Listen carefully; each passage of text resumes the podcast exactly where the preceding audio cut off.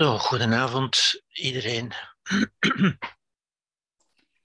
Dit is de eerste avond van deze reeks van vijf lezingen over de strategie van het geluk, over welzijn dus. Ja. En in deze eerste reeks, uh, als er een eerste reeks is, is er ook een tweede reeks natuurlijk. Uh, dat zal dadelijk wel duidelijker worden hoe dat in elkaar zit.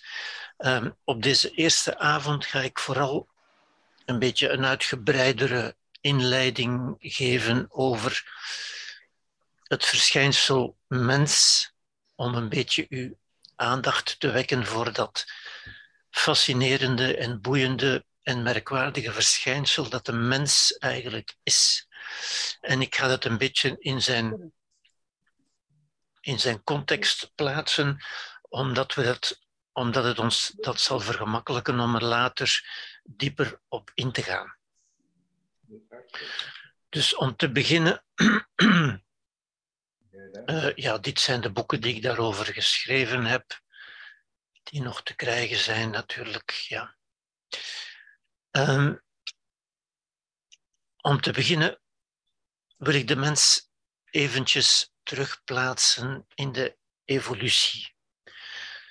U kent de evolutie van de mens natuurlijk, dat staat hier afgebeeld. Hiermee leer ik u weinig nieuws, veronderstel ik. Uh, u weet dat het leven ontstaan is uit de oceaan, zoals hier ook getoond is. Het leven is uit de oceaan op het droge gekomen, heeft zich daar ontwikkeld in die talloze vormen van leven, die uiteindelijk tot de mens hebben geleid. En de mens, wij dus, staan hier op het einde. Het, eindpunt, of althans het voorlopige eindpunt van deze evolutie. Dit punt waar het uh, leven uit het water is gekomen, het, het, leven is in de oceaan ontstaan en is dan uiteindelijk op het droge gekomen, zoals ik u dadelijk wat nader zal toelichten. Dit punt is ongeveer 600 miljoen jaar geleden. En op die 600 miljoen jaar geleden heeft het leven zich ontwikkeld van die primitieve vormen van leven tot dat complexe en ingewikkelde wezen dat de mens is. en er is ook iets aparts wat, waarop ik hier eigenlijk al de nadruk wil leggen. Namelijk dat de mens, hoewel hij in zijn lichamelijkheid continu is met de dierlijke vormen van leven, ja, in ons lichaam is niet zoveel verschil met het lichaam van dieren, zeker niet de dieren die het dichtst bij ons staan, maar wel in onze geest, onze mind. Ja. Dat is wat de mens zo anders maakt dan de dieren en dat zien we ook hier. Ja. U ziet ook die dieren weten eigenlijk goed, dat wordt althans hier gesuggereerd, weten althans goed waar ze mee bezig zijn. Ja? Eten, overleven en reproduceren. En je ziet dieren daar nooit zich vragen over stellen. Dieren zijn altijd ijverig en, en goed bezig, zoals men dat zegt. Ja. En goed bezig zijn is eigenlijk al een vorm van geluk, natuurlijk. Mensen die goed bezig zijn, zeggen ook dat ze zich goed voelen, dat ze, dat ze, zich, dat ze welzijn hebben. Ja. Alleen de mens staat zich af te vragen. Waarover gaat het eigenlijk allemaal hier? Ja. De mens stelt zich die vragen. Een dier stelt zich nooit vragen. Ja. En als een mens, als mensen zeggen, ik stel me daar vragen bij, dan wil dat eigenlijk al een beetje zeggen van, ik voel me daar niet zo, zo, zo comfortabel bij. Ja? Ik, heb daar, ik heb dat een beetje een, een probleem. En inderdaad, voor de mens is het leven ook een probleem. Ja? Het leven is voor de mens niet meer zo automatisch en zeker niet automatisch gelukkig zoals voor de dieren. Ja. Wat maakt, en, en sommige mensen vinden dat ook niet alleen merkwaardig, maar ook vervelend. Ja? vele mensen zeggen ook dat ze gekweld worden door die vragen. Dat die vragen hen achtervolgen. Ja. Ik, ik heb natuurlijk nog nooit vragen gezien die mensen achtervolgen, maar het is zo, die vragen doen zich in ons voor. Ja, dat is ook geen persoonlijke keuze. Mensen worden niet op een dag wakker en gaan zeggen: Vandaag ga ik me eens wat vragen stellen. Nee, die vragen doemen op, en up, doen zich voor in dat merkwaardige iets. Ik zou bijna zeggen, men zegt ook soms dat merkwaardige orgaan, maar het is geen orgaan natuurlijk. Dat merkwaardige iets, waar we nog nader zullen op ingaan, dat we het bewustzijn noemen. Ja. Die vragen doen zich voor in wat we noemen ons bewustzijn. En ons bewustzijn is ook al iets heel eigenaardigs, waar we eigenlijk nauwelijks begrip en nauwelijks vat op hebben. Ja. En hoewel ons lichaam en ook ons brein in grote mate gelijkt op het lichaam en het brein van dieren, zeker de dieren die dicht bij ons staan, de zoogdieren, ja, zeker de primaten, werkt het menselijk brein toch helemaal anders in die zin dat dat brein een bewustzijn produceert. Ja. Nu, dat bewustzijn is zo mogelijk nog, nog raadselachtiger en nog merkwaardiger, maar ook daar gaan we natuurlijk op terugkomen. Ja. Goed, dus dat is om te beginnen het, het grote kader, zou ik zeggen. Ja. De mens in zijn continuïteit met de biologische evolutie, maar in zijn discontinuïteit, zijn, zijn ja, totaal nieuw zijn wat zijn mentale leven betreft. Ja? Iets wat door de filosoof Descartes natuurlijk ook goed is aangegeven en iets wat wij in ons ook ervaren. De mens ervaart ook, net zoals Descartes dat zei, op zijn zeer, zeer scherpe en diepzinnige manier eigenlijk. Ja. Er is in de mens, is er dat uitgebreide ding, noemde hij dat, dat materiële ding, dat biologische ding, dat levende ding. Het lichaam noemen we dat meestal. Ja. Maar er is bij de mens ook wat Descartes noemde het, het denkende ding. Ja. Wat natuurlijk helemaal geen ding is. Maar hij noemde dat, hij dacht dus dat dat een andere substantie was. Hij noemde het zelfs twee substanties. Ja. De uitgebreide substantie, de res extensa, en de denkende substantie, de res cogitans. Ja, dat, dat dualistische denken, hij kon het zich niet anders voorstellen. En velen van ons eigenlijk ook niet, want dat is toch onze concrete ervaring. Ja, dat we een lichaam hebben en ook een geest, waarvan we eigenlijk niet goed weten, waarvan Descartes niet wist. Hij kon zich niet bedenken. En wij kunnen het nog altijd niet, in feite. Ja. Hoe dat denkende ding, die geest, die mind, aansluiting vindt bij dat lichamelijke ding. Want kennelijk doet die mind toch iets aan dat lichaam. Daar komen we natuurlijk uitgebreid op terug, want dat is waar ik het vooral wil over hebben hier. Ja. Maar dat is wat de mens als wezen natuurlijk zo, zo boeiend, zo, zo fascinerend maakt. Ja. En dat we dus over onszelf, over dat wezen dat we zelf zijn, eigenlijk zo, zo weinig reëel begrip hebben. Ja? We kunnen daarmee omgaan, we weten min of meer hoe we daar kunnen mee omgaan, maar eigenlijk begrijpen we het niet echt. Ja? En voor dat, dat mysterieuze wonder bijna, zou ik zeggen, wil ik ook, eh, wil ik ook uw aandacht uh, wekken, zou ik zeggen. Nu, dit is in grote lijnen, dus de, de, de evolutie, en toch zit hier al veel in. In dit plaatje zit in een notendop, zou ik bijna zeggen, het hele de hele, het hele drama, het hele menselijke drama, of de hele menselijke komedie, of de menselijke tragicomedie, zoals ik het ook graag noem. Ja. Het, het, het, drama is eigenlijk ook ja, dat mensen denken, vaak vele mensen, niet alle mensen, maar vaak wordt gedacht dat de mens in vergelijking met de dieren toch wel iets is kwijtgeraakt. Ja. En wat zouden we dan kwijtgeraakt zijn? Wel, dat dat eenvoudige, dat natuurlijke geluk dat we zien bij de dieren om ons heen. Ja. En de mens is dat zogezegd kwijtgeraakt, waardoor mensen soms zeggen dat we van dieren nog veel zouden kunnen leren. Uh, ik denk niet dat de mens iets is kwijtgeraakt. De mens heeft in tegendeel iets bijgekregen. Ja. Maar hij heeft iets bijgekregen waarvoor hij geen handleiding heeft meegekregen.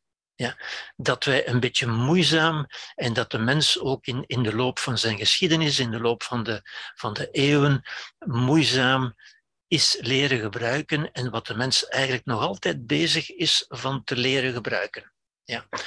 Daar gaan we het uh, in, in deze lezingen over hebben, want dat is natuurlijk bij uitstek ook het instrument, het orgaan zou ik bijna zeggen, het, de, realiteit, het gegeven waarmee de mens zich veel ongelukkiger kan maken dan de dieren, maar waarmee ook veel gelukkiger kan zijn dan de dieren. Ja?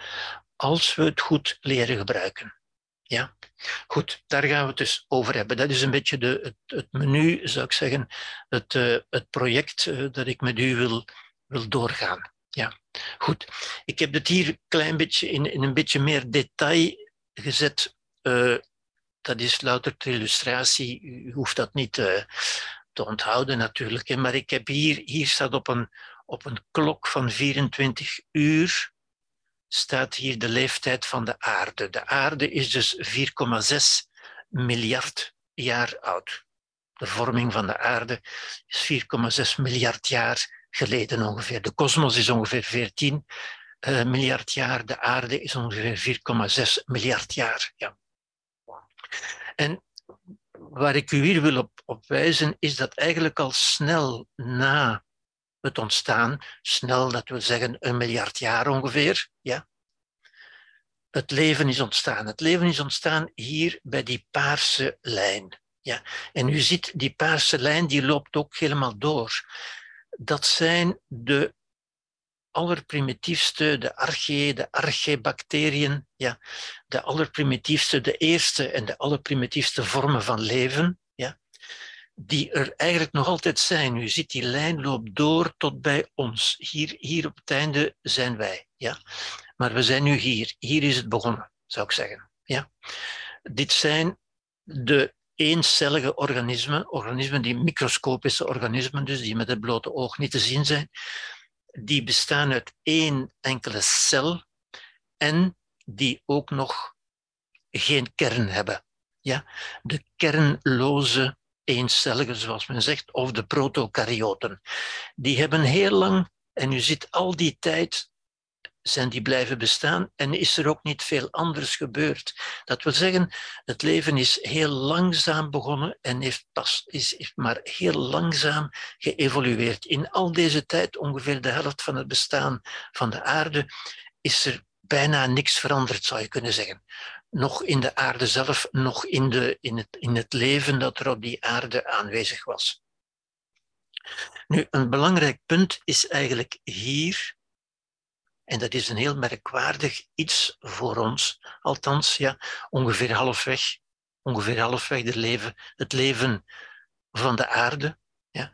Want op dat moment is de atmosfeer zuurstof gaan bevatten. Ja.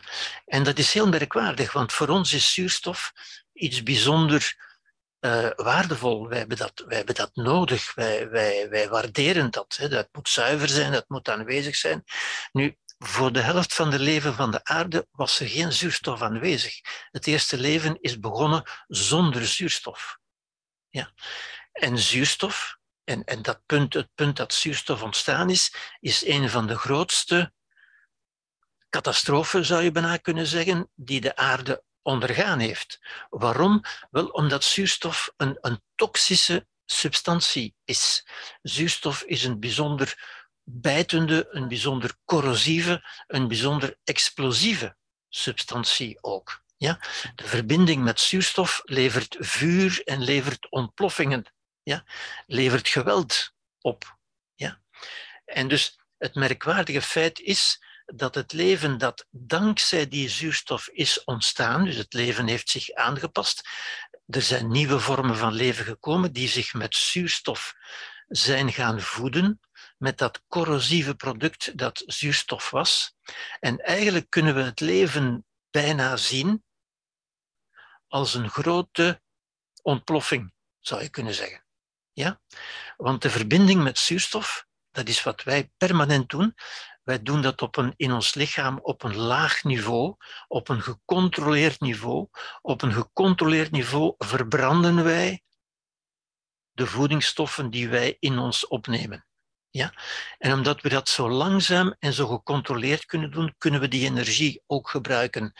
U zou dat kunnen vergelijken met een kerncentrale die eigenlijk een grote kernontploffing is, maar die in de tijd zodanig is uitgerokken en zodanig gecontroleerd is dat we die energie kunnen gebruiken.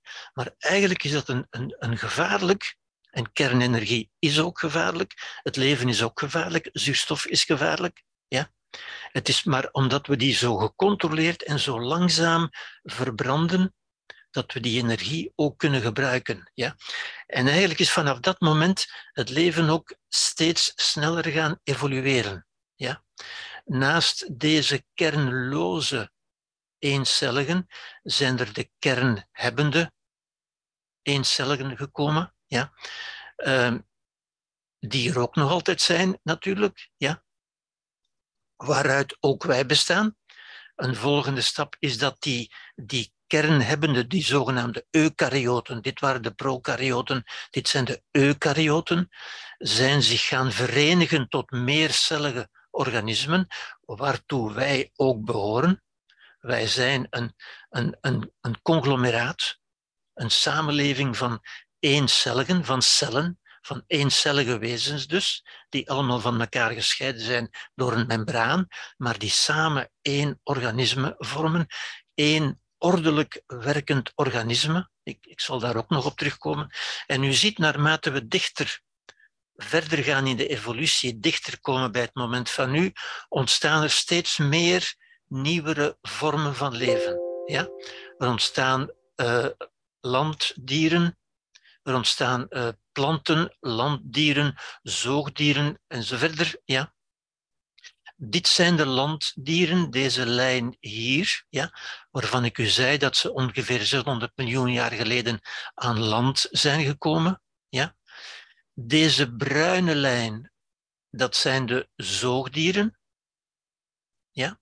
U ziet hier die accolade staan. Die accolade, dat zijn de dinosaurussen dinosaurussen die 150 miljoen jaar geleefd hebben en die dus bijzondere vormen van leven waren, die bijzonder aangepast waren ook, ja?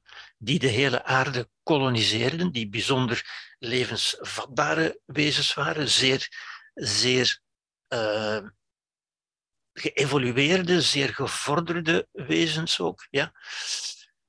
Die alleen maar verdwenen zijn, zoals u weet, door wat men dan noemt dat schitterende ongeluk, 65 miljoen jaar geleden, ja? die meteorietinslag op de aarde, waardoor bijna alle leven verdwenen is. En waardoor er dus ook een biologisch vacuüm is ontstaan. De, de, grote, de grote reptielen zijn bijna allemaal verdwenen. Ja? De enige restanten daarvan zijn de vogels nog. Ja? En in dat biologische vacuüm hebben de zoogdieren zich kunnen ontwikkelen. De zoogdieren waartoe ook wij behoren. De zoogdieren die aanvankelijk, moet u zich voorstellen, waren, waren kleine muisjes, muizekjes en, en, en ratjes en kleine landzoogdieren die door die dinosauriërs gretig opgegeten werden natuurlijk. En die, maar die dan ontwikkeld zijn, eens die grote, zo, eh, die grote reptielen verdwenen zijn, ja, en die dan die, die, die verschillende vormen van leven die ik op het vorige plaatje heb getoond, hebben gevormd, een, een explosie bijna van vormen van leven, waardoor uiteindelijk de mens is ontstaan. En waar staat de mens op dit plaatje? Wel, wel u ziet hem niet staan. Ja, want de mens is in dit plaatje, in dit tijdsbestek, is de mens verschenen om 20 seconden voor middernacht. Ja? Dus in, die, in de evolutie, in die hele evolutie van de aarde, niet eens van de kosmos, maar van de aarde, neemt de mens nauwelijks plaats in. Vandaar dat ik ook zei, de mens is een absolute nieuwkomer. Ja?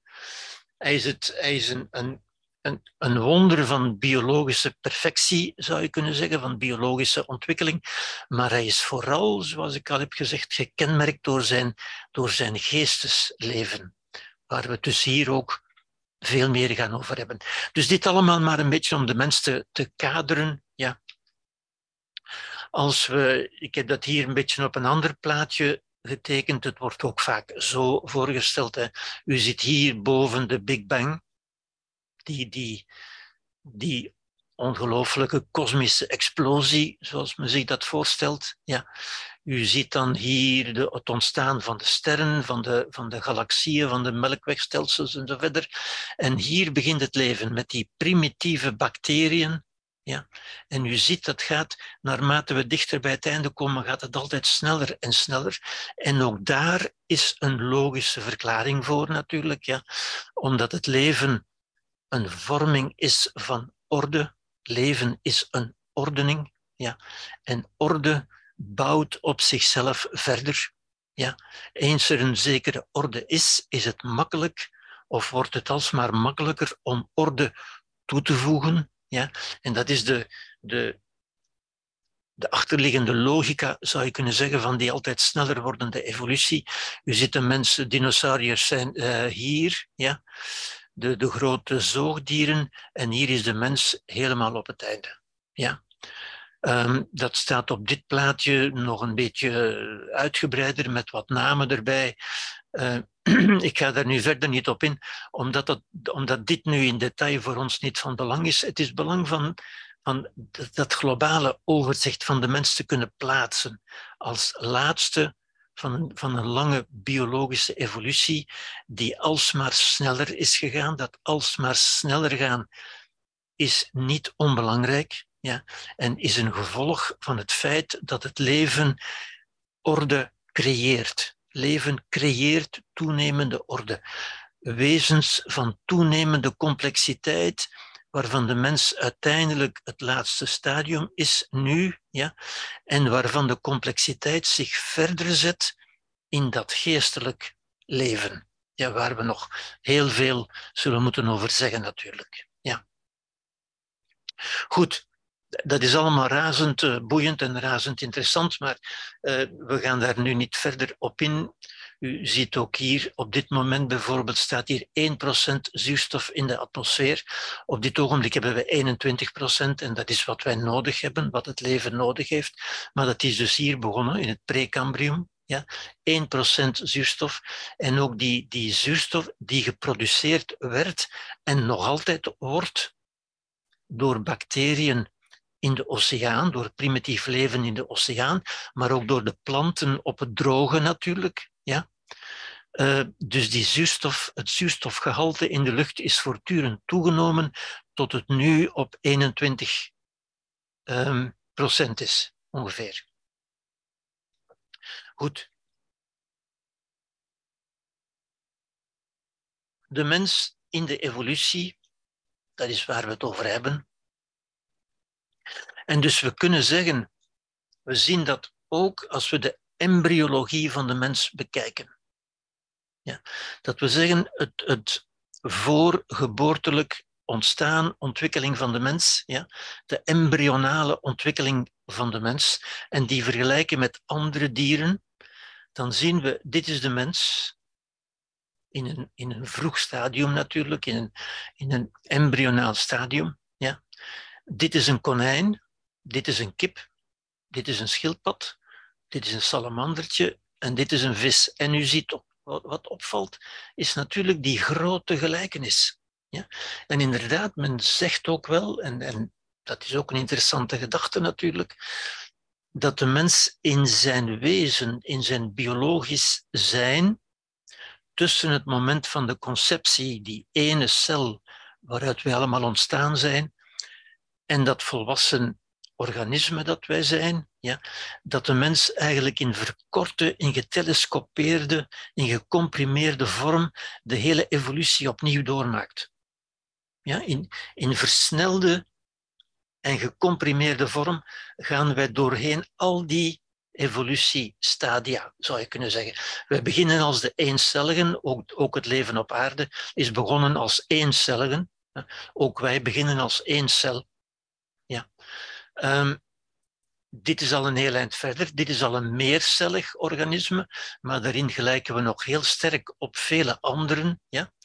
Als we een stadium verder gaan, is de differentiatie, de ordening zou je kunnen zeggen, al een eind verder. Ja? U ziet, de verschillen zijn al veel groter geworden. Ja?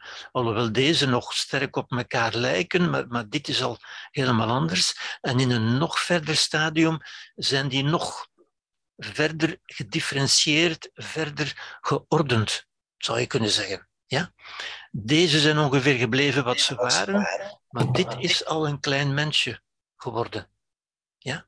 En dit is een mens zoals hij ook geboren wordt, uiteindelijk. Ja? Nu, als een mens, we kunnen dus ook zeggen, men zegt ook vaak, dit even terzijde, als we dat, als we dat overschouwen, als we dat bekijken, die hele evolutie, ja, en we kijken naar de huidige toenemende aandacht voor wat er voortdurend gezegd wordt. En ook dat is iets waar ik ga op terugkomen hoor, maar onze voortdurende aandacht voor kwetsbaarheid, voor klaag- en slachtoffercultuur, voor allerlei stoornissen, voor levensmoeheid, depressie, suïcide. Ja?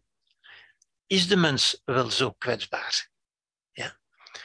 Die toenemende hulpvragen en die toenemende hulpverlening, het feit dat zoveel mensen hulp blijkbaar nodig hebben. Hoe, hoe, hoe kan dat? Ja? Is het denkbaar? Het valt toch moeilijk te geloven dat er in die hele evolutie, dat, we, dat er nu plots, plots zoveel meer kwetsbare mensen geboren zouden worden. Ja? Als we zien welke evolutie de mens heeft doorgemaakt, wat die allemaal ondergaan en doorstaan heeft, kunnen we dan geloven dat de mens zo kwetsbaar zou zijn? De mens heeft zich getoond als een bijzonder een bijzonder taaie, een, een bijzonder, hoe zou ik zeggen, bijzonder stevige overlever, als een overlevingsmachine. Ja? Maar goed, ook daar kom ik op terug natuurlijk. Ja? De mens heeft al sinds 100.000 jaar ongeveer, eigenlijk veel meer, maar goed, hiervan weten we iets, de sterk wisselende klimaatomstandigheden overleeft waarvan we er nu ook een meemaken natuurlijk. Maar de mens heeft er nog veel meer meegemaakt in de laatste honderdduizend jaar. Ja? De mens, voor de mens was dat, was dat, ik zou bijna zeggen, dagelijkse kost. Ja? Dat was gewoon. De mens is daaraan gewoon. Ja? Maar door zijn buitengewone veerkracht, de mens is van nature buitengewoon veerkrachtig en buitengewoon aanpasbaar. En dus eigenlijk helemaal niet zo kwetsbaar. Ja? Wij zijn de, de superoverlevers van de, van, van de biologische wereld, zou je kunnen zeggen. Mede door, daar ga ik natuurlijk op terugkomen, mede door ons bewustzijn, dat ons nog meer aanpasbaar en, en soepel en overlevingsvatbaar heeft gemaakt. Ja? Dankzij ook het doorgeven van onze kennis. Een mens heeft die unieke mogelijkheid die geen enkel ander dier heeft, ja, om zijn kennis door te geven aan zijn jongen. Op een manier die geen enkel ander dier kan. Met name door die buitengewone vermogens die de mens heeft, die vermogens van bewustzijn, het bewustzijn, het voorstellingsvermogen en die taal, ook die symbolische taal. Ja? allemaal dingen die geen enkel dier heeft en die de mens tot een, tot een heel bijzonder wezen hebben gemaakt en tot een bijzondere overlever ook. Ja, wij zijn de overlevers van die hele evolutie. Ja? De mens is ook herhaaldelijk verschillende keren in evolutionaire bottlenecks gekomen. Dat wil zeggen, in, in, in, in nauwe schoentjes, zou ik bijna zeggen, hè, waar hij bijna met uitsterven bedreigd was. Ja? Omdat, omdat hij juist zulke ongelooflijke omstandigheden en klimaatwisselingen en, en, dat soort dingen allemaal heeft meegemaakt. Ja? Dat wil zeggen, men, men, neemt ook aan dat er op een bepaald moment, en dat schat men ongeveer 70.000 jaar geleden, dat er nog maar enkele honderden individuen, mensen over waren. U kunt zich dus voorstellen dat die enkele honderden die over waren, dat dat wel de taaiste waren, niet de zwakste, natuurlijk. Ja? Van die enkele honderden zouden wij dus allemaal afstammen. En men leidt dat onder meer af uit het feit dat de mens, de mensen, gekenmerkt zijn door zo'n geringe genetische diversiteit. Ja? Wij lijken, alle mensen overal ter wereld, lijken allemaal genetisch bijzonder sterk op elkaar. Veel meer dan het geval is bij, bij, bij dieren, bij, bij leeuwen of bij giraffen of bij kippen enzovoort. Daar is een grotere diversiteit. De mens vertoont een geringe diversiteit. Wij lijken allemaal zeer sterk op elkaar. Ja? Sterk argument voor gelijkheid natuurlijk. Hè. Wij zijn zeer gelijkend. Ja? Omdat we net van een paar honderd mensen, van een paar honderd individuen zouden afstammen. Dat is althans wat men nu, hoe men daar nu over denkt. Ja?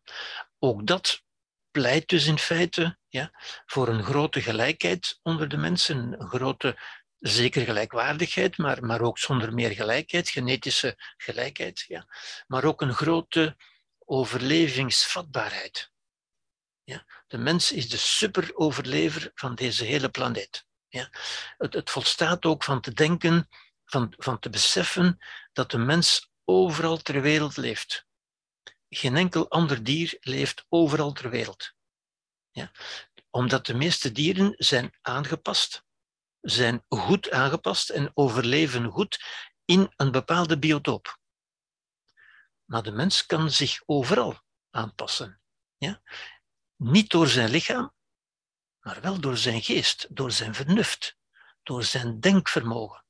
Ja? Kan de mens overal mogelijkheden vinden om te overleven. Veel meer dan alle andere dieren. Ook dat pleit dus voor de mens als, als een, een taaie diersoort, zou je kunnen zeggen. Ja?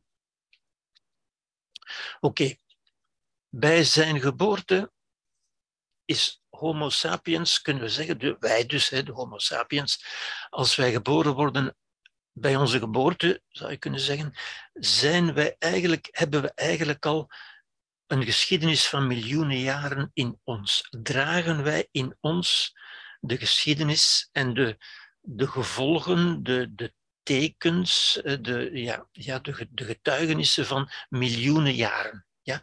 En we kunnen zeggen, als een mens geboren wordt, hè, dan is die, die al 500 miljoen jaar een ongewerveld dier geweest.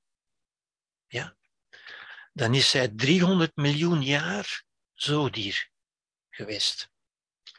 Dan is hij 65 miljoen jaar een primaat geweest. 65 miljoen jaar is de meteorietinslag. Ja. Dan is hij al 2 miljoen jaar mens geweest. De mens als mens raamt men 2 miljoen jaar oud. Dat wil zeggen de Homo erectus. Homo erectus wil zeggen de rechtopstaande mens het moment dat de mens rechtopstaand is gaan lopen, wat aanleiding heeft gegeven tot vele veranderingen in zijn brein en in zijn, in zijn handen, in zijn hele apparaat eigenlijk, ja. vanaf dan gaat men die als mens beschouwen. Ja. Um, de uitvinding, de, de beheersing van het vuur, wat, wat, een, wat een begin is van de technologie, de beheersing van de natuurfenomenen, te beginnen met het vuur, is 1,8 miljoen jaar oud. Ja, dus de mens kan al 1,8 miljoen jaar het vuur gebruiken en voor hem aanwenden. Gebruiken, dus er gebruik van maken. Taal en communicatie, dat wat ons echt tot, tot mens maakt, tot, tot supermens bijna, wordt geschat op 300.000 jaar geleden. Ja? Dus de taal en de communicatie, althans de menselijke taal. Ja? Dieren communiceren natuurlijk ook, maar niet met taal. Wel met tekens, maar niet met taal. Ja? Ze geven signalen aan elkaar, maar ze kunnen geen complexe boodschappen aan elkaar doorgeven. Ook daar komen we op terug, natuurlijk. Ja.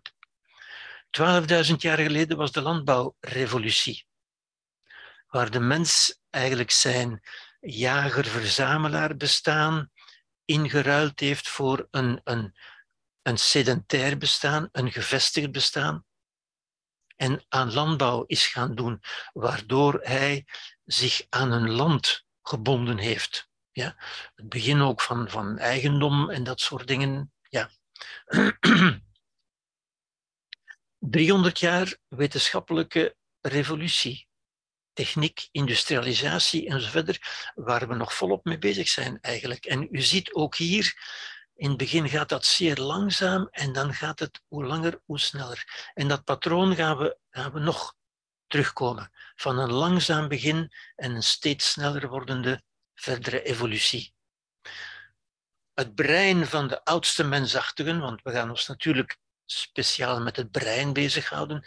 De oudste mensachtigen, dan zijn we hier, 2 miljoen jaar geleden of zoiets, ja, was ongeveer 450 cc, een kleine halve liter. Ja.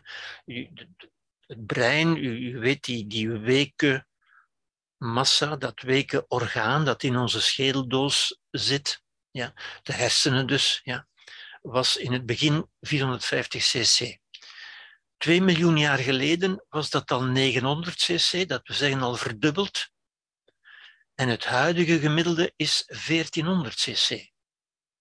Ja? Dat wil zeggen bijna vijf keer zoveel, meer dan vijf keer zoveel dan bij de oudste mensachtigen. Dus u ziet vooral, ik heb het straks gezegd, het, het lichaam van de mens is niet zozeer veranderd, alles wat we in het menselijk lichaam terugvinden, vinden we ook bij dieren terug, bij vele dieren, zelfs gaande tot insecten. Bepaalde hormonen die bij ons aanwezig zijn, zijn ook bij insecten aanwezig. Ja. Zover gaat dat terug eigenlijk. Ja.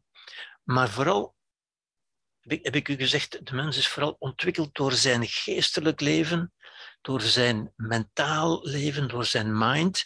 En die berust natuurlijk die wordt natuurlijk geproduceerd, die mind, ja, door zijn brein.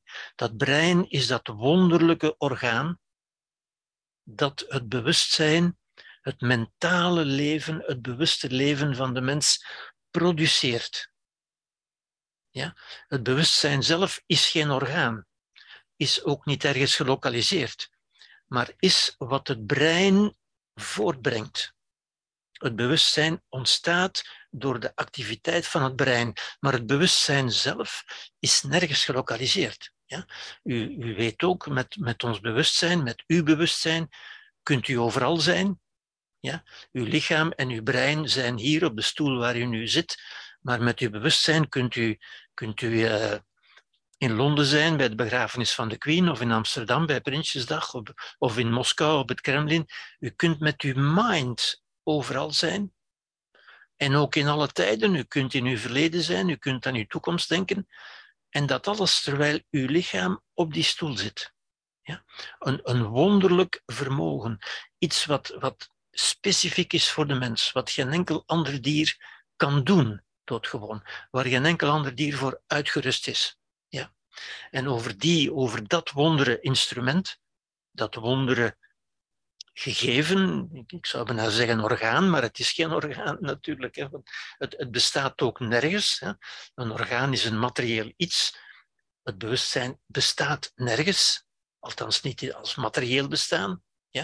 Het bestaat natuurlijk, maar niet materieel. Ja. Dat is wat Descartes het denkende ding noemt, ons denken. Gedachten zijn nergens en overal. Met onze gedachten kunnen we overal zijn. In het verleden, in de toekomst, eh, in Oost en West, aan de Noordpool, aan de Zuidpool. Terwijl ons lichaam op die stoel blijft zitten. Ja.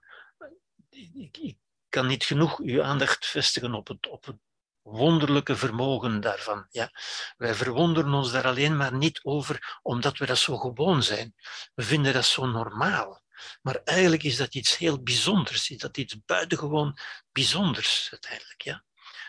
We gaan daarop terugkomen, want dat is natuurlijk de kern van waar we het gaan over hebben. Wat we met dat instrument, die mogelijkheid kunnen doen. Ja. Bij het begin van de mens was ook de mens één cel. Ik kom er altijd op terug. Ik heb u ook uh, getoond, ook het leven, het, grote leven als dusdanig, is begonnen met één celligen. Ja, dat is het begin van het leven geweest. Dat is ook het begin van het leven van de mens. Wij zijn allemaal ooit één cel geweest. Ja. Ontstaan uit de versmelting van twee, twee, uh, van twee cellen van, u, van de vader en van de moeder. Zoals u weet, dat, dat wordt één cel en die versmelting is eigenlijk het begin van het leven van dat individu. Ja? Eén cel. Bij de geboorte zijn er ongeveer 2 biljoen cellen. Ik weet niet of u zich dat goed kunt indenken. Hè? Dat is 2 maal 10 tot de twaalfde, voor wie nog een beetje van uh, wiskunde kent. Dat wil zeggen 2 miljoen keer een miljoen. Een biljoen is een miljoen keer een biljoen. Ja? Een miljoen is duizend keer duizend. Hè? Duizend is al veel. Ja? Een miljoen is duizend keer duizend. Wel, een miljoen keer een miljoen. Een miljoen keer duizend keer duizend. Ja? En u ziet bij de geboorte, dat is ongeveer negen maanden later, is die één cel ontwikkeld, heeft hij zich vermenigvuldigd tot 2 biljoen cellen. Ja? Op volwassen leeftijd is dat ongeveer 40 biljoen cellen geworden. 40, miljoen, 40 keer een miljoen maal miljoen. Ja? Goed. Dit maar, dat is maar ter illustratie. Die, die cijfers hebben verder niet zoveel belang. Ik wil u maar een, een, een een idee geven daarvan uiteindelijk, van die, van die kolossale ontwikkeling, waardoor ik u, zoals ik u zei, de mens doorloopt in zijn ontwikkeling, in zijn individuele evolutie, bijna de hele evolutie in verkorte vorm opnieuw. Ja, van die één cel naar 2 biljoen cellen bij de geboorte, naar 40 biljoen cellen op, op volwassen leeftijd. Ja. Ongelooflijk, duizelingwekkend eigenlijk. Maar als we nu naar het brein kijken, en het brein, daar gaan we toch meer over hebben natuurlijk. Ja. Want dat is echt wat de mens tot mens maakt. Ja. Dan kunnen we zeggen, bij de geboorte heeft een mens ongeveer 100 miljard neuronen. Ja. Dat is ook al een heel, een heel, heel wat natuurlijk. Hè. Een miljard is, 100, is uh, 1000 miljoen. Ja. Dat is 10 tot de negende. 100 miljard is 100 keer 1000 keer miljoen. 10 tot de 11e.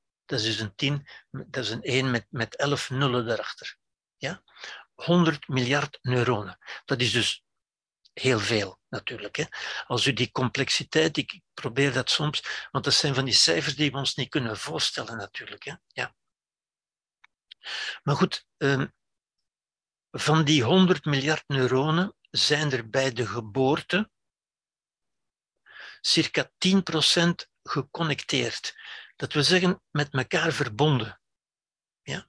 En dat is buitengewoon belangrijk, want ons denken, onze ontwikkeling, onze beweging, wat wij doen, wat wij zijn, wordt niet zozeer bepaald door neuronen als dusdanig, maar wel door netwerken van neuronen. Dat we zeggen, neuronen die met elkaar in contact komen en een circuit, een netwerk gaan vormen. En je kunt zeggen, bijna een gedachte, elke gedachte is in wezen een soort netwerk van neuronen. Ja? Nu, bij de geboorte zijn van die 100 miljard is er maar 10% geconnecteerd. En dus dat brein wordt dus als zeer onaf beschouwd. Dat is onaf. Ja? En ook dat is een, is een beetje een wonder van, van biotechnologische engineering, zou je moeten kunnen zeggen. Ja? Um, dat, dat kind, een kind komt dus zeer onaf, zeer onbekwaam, zeer onmachtig, zeer afhankelijk. Als je het vergelijkt met, met andere dieren, ja, uh, dieren die, die in, in, de savanne geboren worden, giraffen bijvoorbeeld, of, of, andere dieren, die zijn bijna af als ze geboren worden. Die zijn nog wat kleiner, maar die zijn bijna ontwikkeld. En veel van die dieren, zoals, zoals uh, uh, de, de hoefvormige dieren en zo verder, de, de, die, die in grote kuddes lopen. Nu, zo'n klein dier dat geboren wordt, in vele gevallen moet dat binnen het uur, dat, is bijvoorbeeld bij giraffen zo, dat moet binnen het uur op zijn poten kunnen staan en mee kunnen lopen, of het wordt opgepeuzeld door andere roofdieren. Ja? Nu, als je vergelijkt met de mens, de mens kan bij de geboorte niks.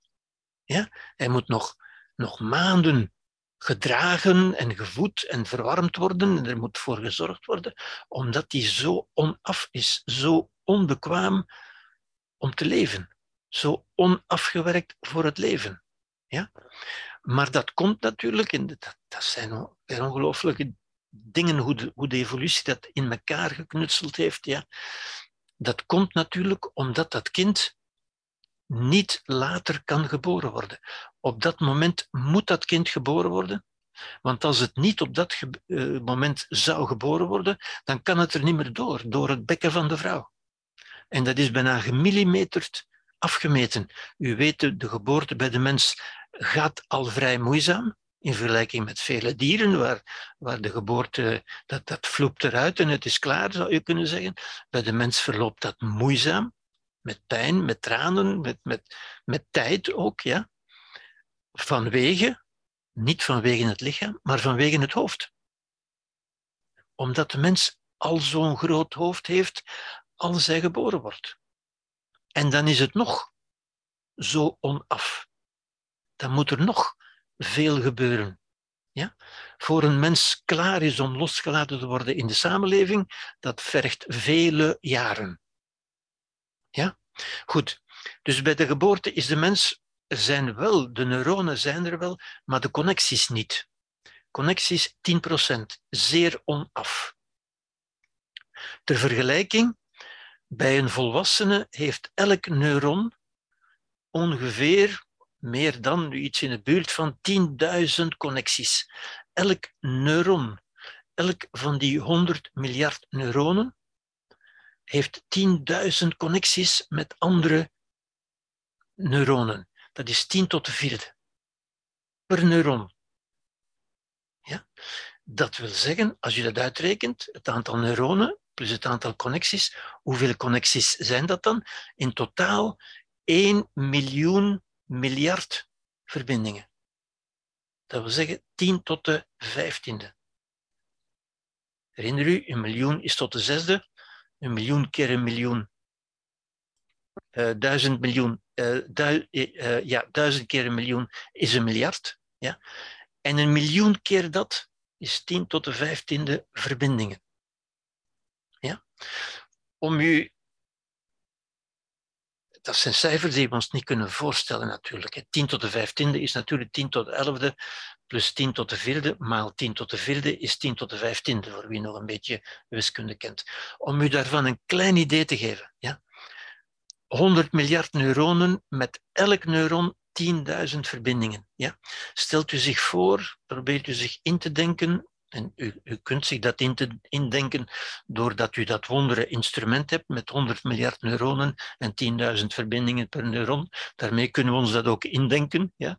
Stelt u zich voor dat op de aarde, op elke plaats waar één mens staat, er zijn nu ongeveer 10 miljard mensen, iets minder, hè, maar laten we zeggen 10 miljard. Ja? Laten we zeggen dat er op elke plaats waar elke mens staat, dat er 10 mensen staan, 10 keer meer dan zijn we ongeveer aan 100 miljard. En dat bovendien elk van die mensen, elk van die 100 miljard mensen, in zijn handen 10.000 gsm's zou hebben. Dat we zeggen 10.000 open telefoonlijnen naar andere neuronen. Wel, als u zich dat probeert voor te stellen, dan hebt u een idee, een intuïtief idee van de complexiteit van het brein, van het menselijk brein. Alleen maar van dat brein. Die, die anderhalve kilo zachte massa die in ons brein zit. Ja? Die anderhalve liter, dat, dat, dat toch uiteindelijk toch beperkte volume, anderhalve liter, ja, waarin 100 miljard neuronen met elk 10.000 connecties. Ja. Nu, dan begrijpt u ook, de, de, de, de capaciteit van het brein is, is, is onvoorstelbaar uiteindelijk. Ja. Men heeft het wel eens vergeleken, maar, ook dat zijn maar vergelijkingen natuurlijk. Ja. Dat wat het brein doet, ja, u, u sommige mensen zeggen, als ik met de auto moet rijden door Brussel of, of door Parijs, ja, dan, moet, dan heb ik al mijn aandacht nodig. Dan hebben ze hun volle concentratie nodig om dat te doen. Ja? Nu, men, men vergelijkt wat het brein permanent, levenslang doet, dat het ongeveer overeenkomt met het tegelijk besturen van alle auto's in Parijs tegelijk. Dat is wat het brein eigenlijk permanent doet. Want je moet niet vergeten, het brein is er niet alleen opdat wij daar uh, leuke gedachten zouden kunnen hebben, maar het brein stuurt ook voortdurend elk orgaan, elke functie in ons lichaam, elke ademhaling, elke hartslag, elke bloed, elke doorbloeding, de, de spijsvertering en zo verder, het evenwicht, het, het zien, het, het horen, het ruiken, het smaken, het spreken. Ja? Mijn brein produceert die woorden zonder dat ik daar iets moet voor doen, zonder dat ik daar bewust van ben. Die woorden komen gewoon. Ja? Dat brein is een ongelooflijk complex orgaan, waar nogmaals, wij ons alleen maar niet over verwonderen, omdat we het zo gewoon zijn. Ja. Maar zodra we er even bij stilstaan en, en even naar die cijfers kijken, zien we dat is, dat is een, wonderlijk, een wonderlijk iets waarvan ieder van ons bezitter en drager is. Ieder van ons heeft dat gewoon meegekregen, zou je kunnen zeggen. Ja? Goed, um, die 10 tot de 15e verbindingen, het zijn dan ook die verbindingen ja?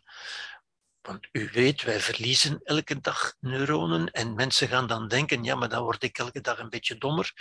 Nee, dat is niet zo, want het zijn niet die neuronen als dusdanig die instaan voor ons, ons geestelijk leven, maar wel die verbindingen, die, die, die circuits, ja, die netwerken van neuronen.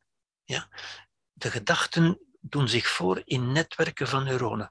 En dat kan zich ook zelf herstellen. En telkens wij een gedachte denken, activeren wij een, een patroon, een verbinding, een netwerk in ons brein. Ja?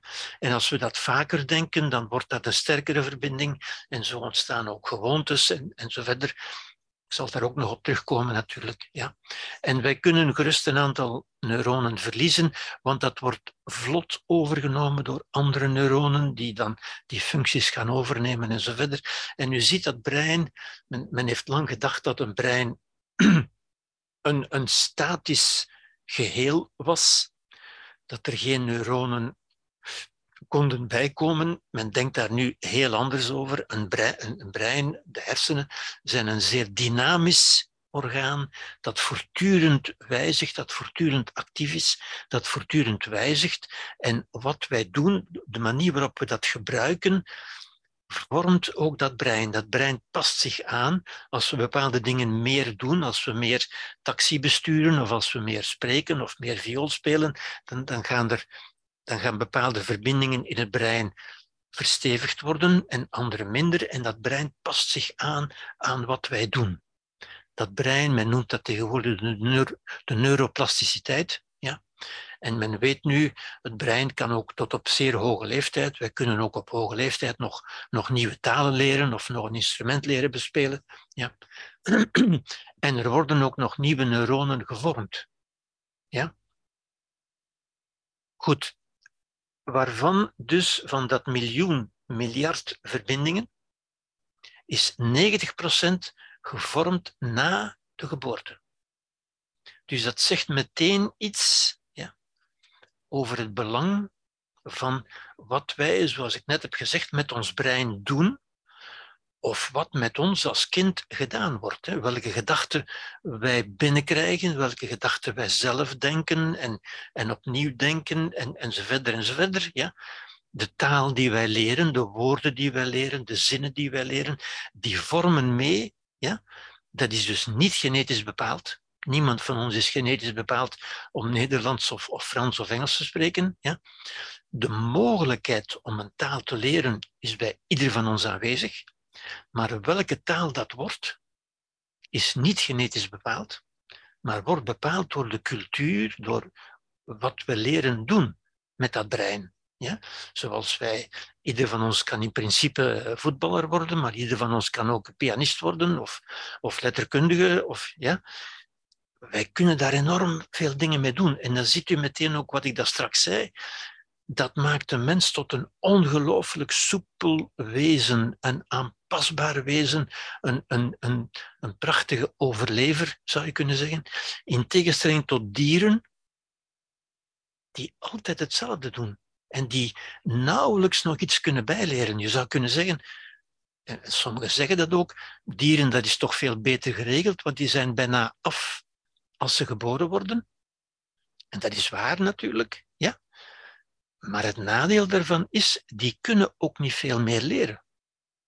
Door het feit dat de mens zo onaf ter wereld komt, kan hij nog zoveel leren. Is hij zo'n aanpasbare overlevingsmachine. En ziet u hoe, hoe, dat, hoe, de, hoe de, de evolutie eigenlijk van dat, je zou kunnen zeggen, van dat nadeel van onafgeboren te worden, eigenlijk een kolossaal voordeel heeft gemaakt. Want dat maakt de mens mee tot wat hij is, tot die, tot die mens met dat, met dat ongelooflijke mentale leven ja? waarmee je ongelooflijke dingen kan doen, waarmee je cultuur maakt en, en techniek heeft uitgevonden en wiskunde heeft uitgevonden en zo verder en zo verder. Iets wat geen enkel ander dier gedaan heeft of, of zelfs maar toe in staat is. Ja?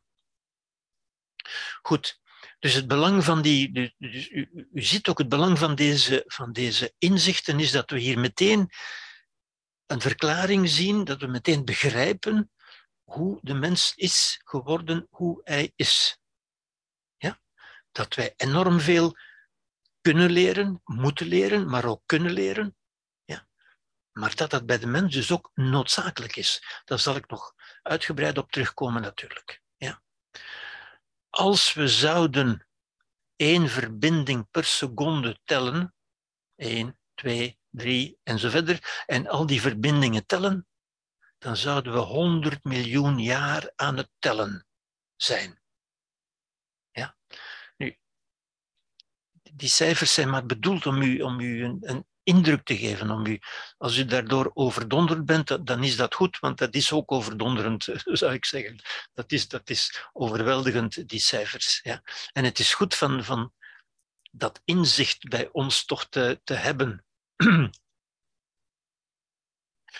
Goed, de maturatie van de cortex, dat we zeggen de volwassenwording van die cortex, duurt bij de mens ook circa 25 jaar. Ja. Dus wanneer is in principe de mens klaar om in de samenleving afgeleverd te worden? Wel, je zou moeten zeggen tot 25 jaar. Ja? We gaan al tot, tot 18 jaar, we worden al gedragen en gevoed uh, jaren aan een stuk als we baby zijn. Dan gaan we naar school tot 12 jaar, dan tot 18 jaar, dan nog universiteit en dan gaan we nog een, nog een diploma halen. En dan zijn we toch ongeveer op 25 jaar. Dat we zeggen tussen 20 en 25 jaar. Ja in vergelijking met die dieren waarvan ik u zei, ja, die, die, uh, die herten en die buffels en zo verder, die, die moeten een uur na de geboorte kunnen meelopen met de kudde of ze zijn er niet meer. Ziet u dat enorme, dat enorme verschil tussen de mens en de dieren? Ja. Die grote gelijkenis, enerzijds die continuïteit in de biologische evolutie, als u een mens opereert, als u hem openmaakt, dan vindt u precies hetzelfde als bij, bij vele andere dieren. Maar dat mentale leven maakt van de mensen een ongelooflijk wezen, zou je kunnen zeggen. Ja. Goed, is dat een probleem of is dat een kans? Daar heb ik eigenlijk al op geantwoord. Je kunt zeggen dat is toch een probleem, dat is toch een, een nadeel, maar het is voor de mens, de evolutie heeft van voor de mens een ongelooflijke kans gemaakt, natuurlijk. Ja. Goed. Je zou kunnen zeggen, het leven is een beetje een onwaarschijnlijke klim naar boven. Ik heb u gezegd, het leven creëert orde. Ja. Het leven is ontstaan, je kunt zeggen, uit de wanorde. Wat is het leven? Uiteindelijk wel het leven. Het leven, een levend wezen, ons lichaam, bestaat uit de gewone moleculen die wij overal terugvinden. Ja? Sterrenstof zegt men wel eens. Hè? Onze moleculen zijn ontstaan in de sterren, zijn op de aarde terechtgekomen. En wat maakt een mens anders dan een hoop stof? Wel, het feit dat die moleculen geordend zijn.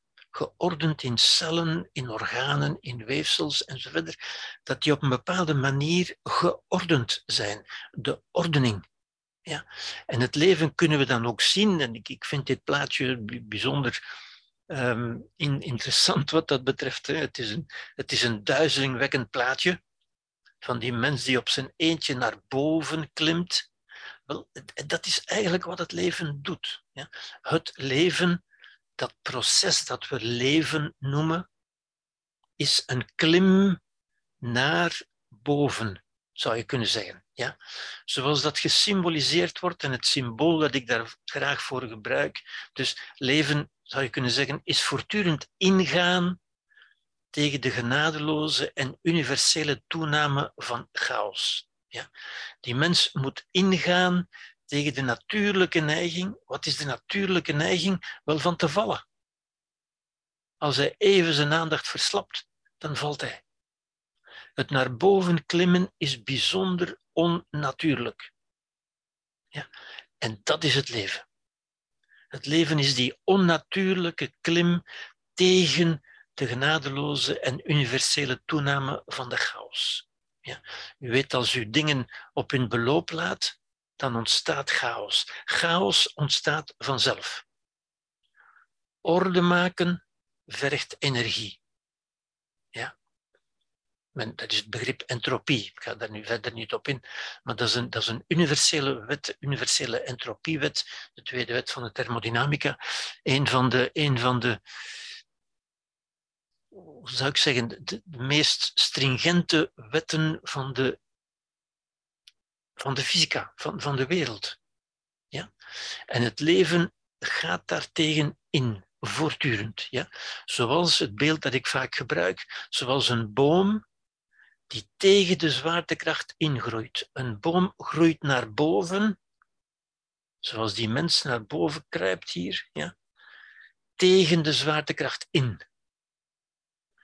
Zo moet de mens zich met redelijkheid en wijsheid handhaven en staande houden. De mens moet ook voortdurend ingaan tegen. Leven is voortdurend ingaan tegen. Ja? Zoals een boom tegen de zwaartekracht ingroeit. En u, moet daar eens goed over nadenken. Dat is een wonderlijk verschijnsel. Ja? Een boom zou veel gemakkelijker op de grond kunnen liggen. Het omvallen van een boom is natuurlijk. Het naar boven groeien is het leven in die boom. En dat is wat het leven doet. Het leven dat, dat ook een proces is, een wonderlijk proces, dat ook in ons zit, natuurlijk, dat ook in ons werkt en dat ook in ons naar boven stuurt. Ja. En ons aanzet tot dingen doen, tot ontwikkelen, wat maakt dat een kind zich ontwikkelt tot een volwassene. Zoals van een boom een zaadje zich ontwikkelt tot een boom. En dat gebeurt vanzelf. Het gebeurt vanzelf, maar niet zonder energie. En een mens, het feit dat een mens voortdurend moet eten, wij moeten voortdurend eten, nieuwe moleculen in ons, in ons lichaam stoppen, ja? Wel, omdat we die energie, die gecontroleerde verbranding, zoals ik dat straks zei, die, die gecontroleerde ontploffing, nodig hebben om die orde te creëren en, en te blijven creëren en te ontwikkelen. Ja? Tegen Waartegen moet een mens, een boom is tegen de zwaartekracht, een mens moet tegen de evolutionair bepaalde regressieve, dat we zeggen achteruittrekkende, archaïsche, oude, intuïtieve, normaal gevonden, emotionele zwaartekracht tegen een soort zwaartekracht die oorzaak is van dystopische tendensen. Dystopische tendensen, dat zijn neigingen tot onwelzijn en verschijnselen als individueel en maatschappelijk onwelzijn, conflict en oorlog. En verschijnselen als onwelzijn, zowel individueel als maatschappelijk, conflict en zelfs oorlog, moeten we zien als regressieve. Dat is wat ons naar beneden trekt. Conflict is gemakkelijk, kwaad worden is gemakkelijk. Ja, dat zijn onze dystopische tendensen. Ja. Leven, vooruitleven en welzijn creëren en nieuw leven ja, is minder gemakkelijk. Welzijn is minder gemakkelijk. Onwelzijn, en dat zien we ook heel veel, heel veel mensen, hè, depressief worden is uiteindelijk gemakkelijk. Het, het, het laten hangen, het, het, laten doen, zich laten meegaan, dat, dan, dan geef je het op. Het opgeven is eigenlijk gemakkelijk.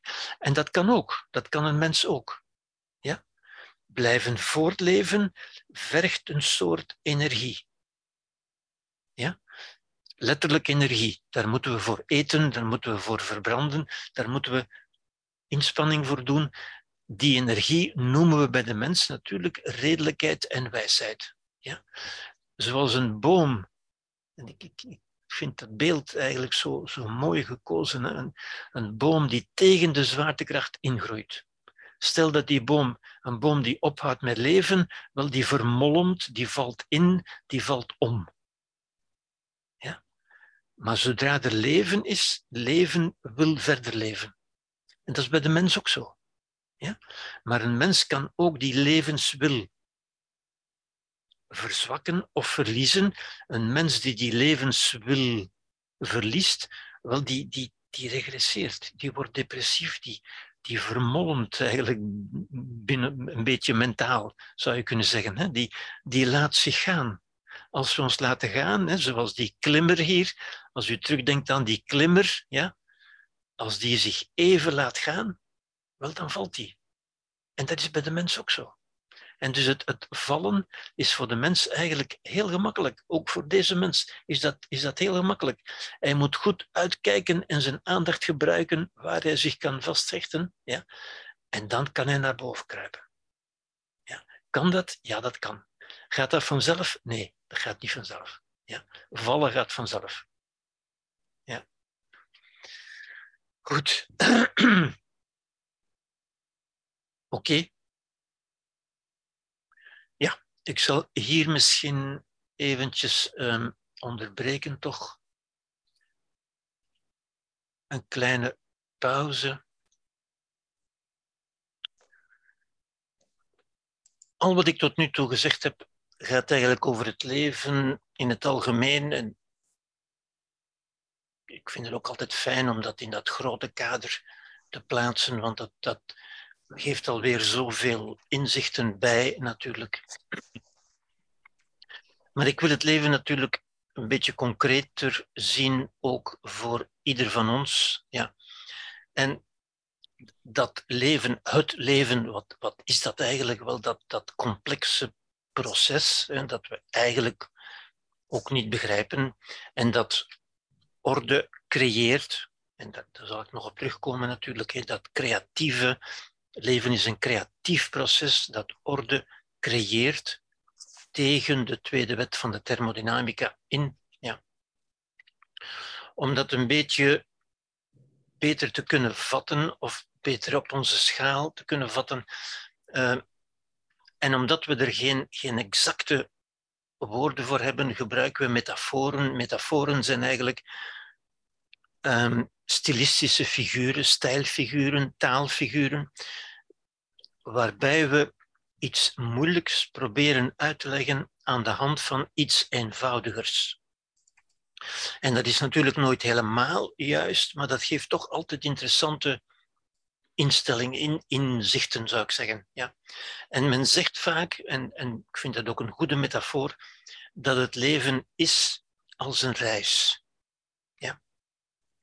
Nu, een reis kunnen we ons voorstellen op deze manier.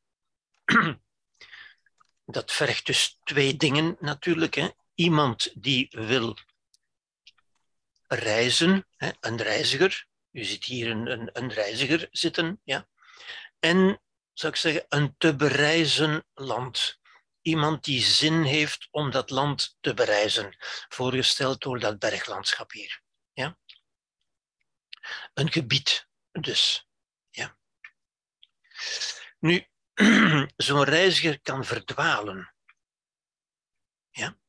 Zoals wij, en dat is de metafoor natuurlijk, het leven is als een reis en in die reis kunnen wij verdwalen. Vele mensen zeggen dat ook. Hè? Niet meer weten waar je naartoe moet, de weg kwijt zijn, vastzitten, allemaal woorden die men gebruikt om te zeggen ik, ik, weet, ik zie het niet meer zitten. Ik weet niet meer hoe ik mij moet, uh, waar ik mij moet richten. Ik ben verdwaald, met andere woorden. Ja? Mensen zeggen soms ook, uh, ik ben geblokkeerd, maar dat kan natuurlijk niet. U bent niet geblokkeerd. Alleen machines kunnen geblokkeerd zijn. Een mens is niet geblokkeerd, maar een mens is als het ware verlamd door het feit dat hij niet meer weet welke kant hij uit moet. Ja?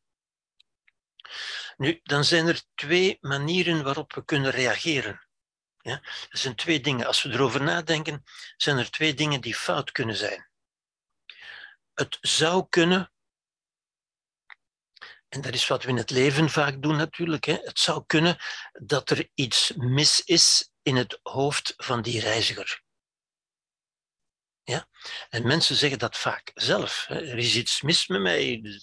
Ik, ik, ik vind het niet meer. Ik, ik zit geblokkeerd in mijn hoofd. Of, ja?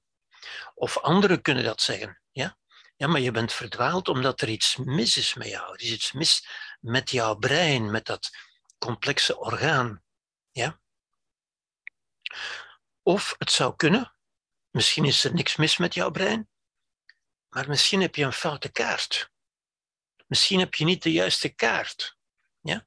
Als u naar Parijs gaat en u probeert daar u te oriënteren, maar u hebt toevallig per vergissing de kaart van Brussel meegenomen, ja, dan zult u niet ver komen natuurlijk. Hè. Dan, dan raakt u zogezegd vast.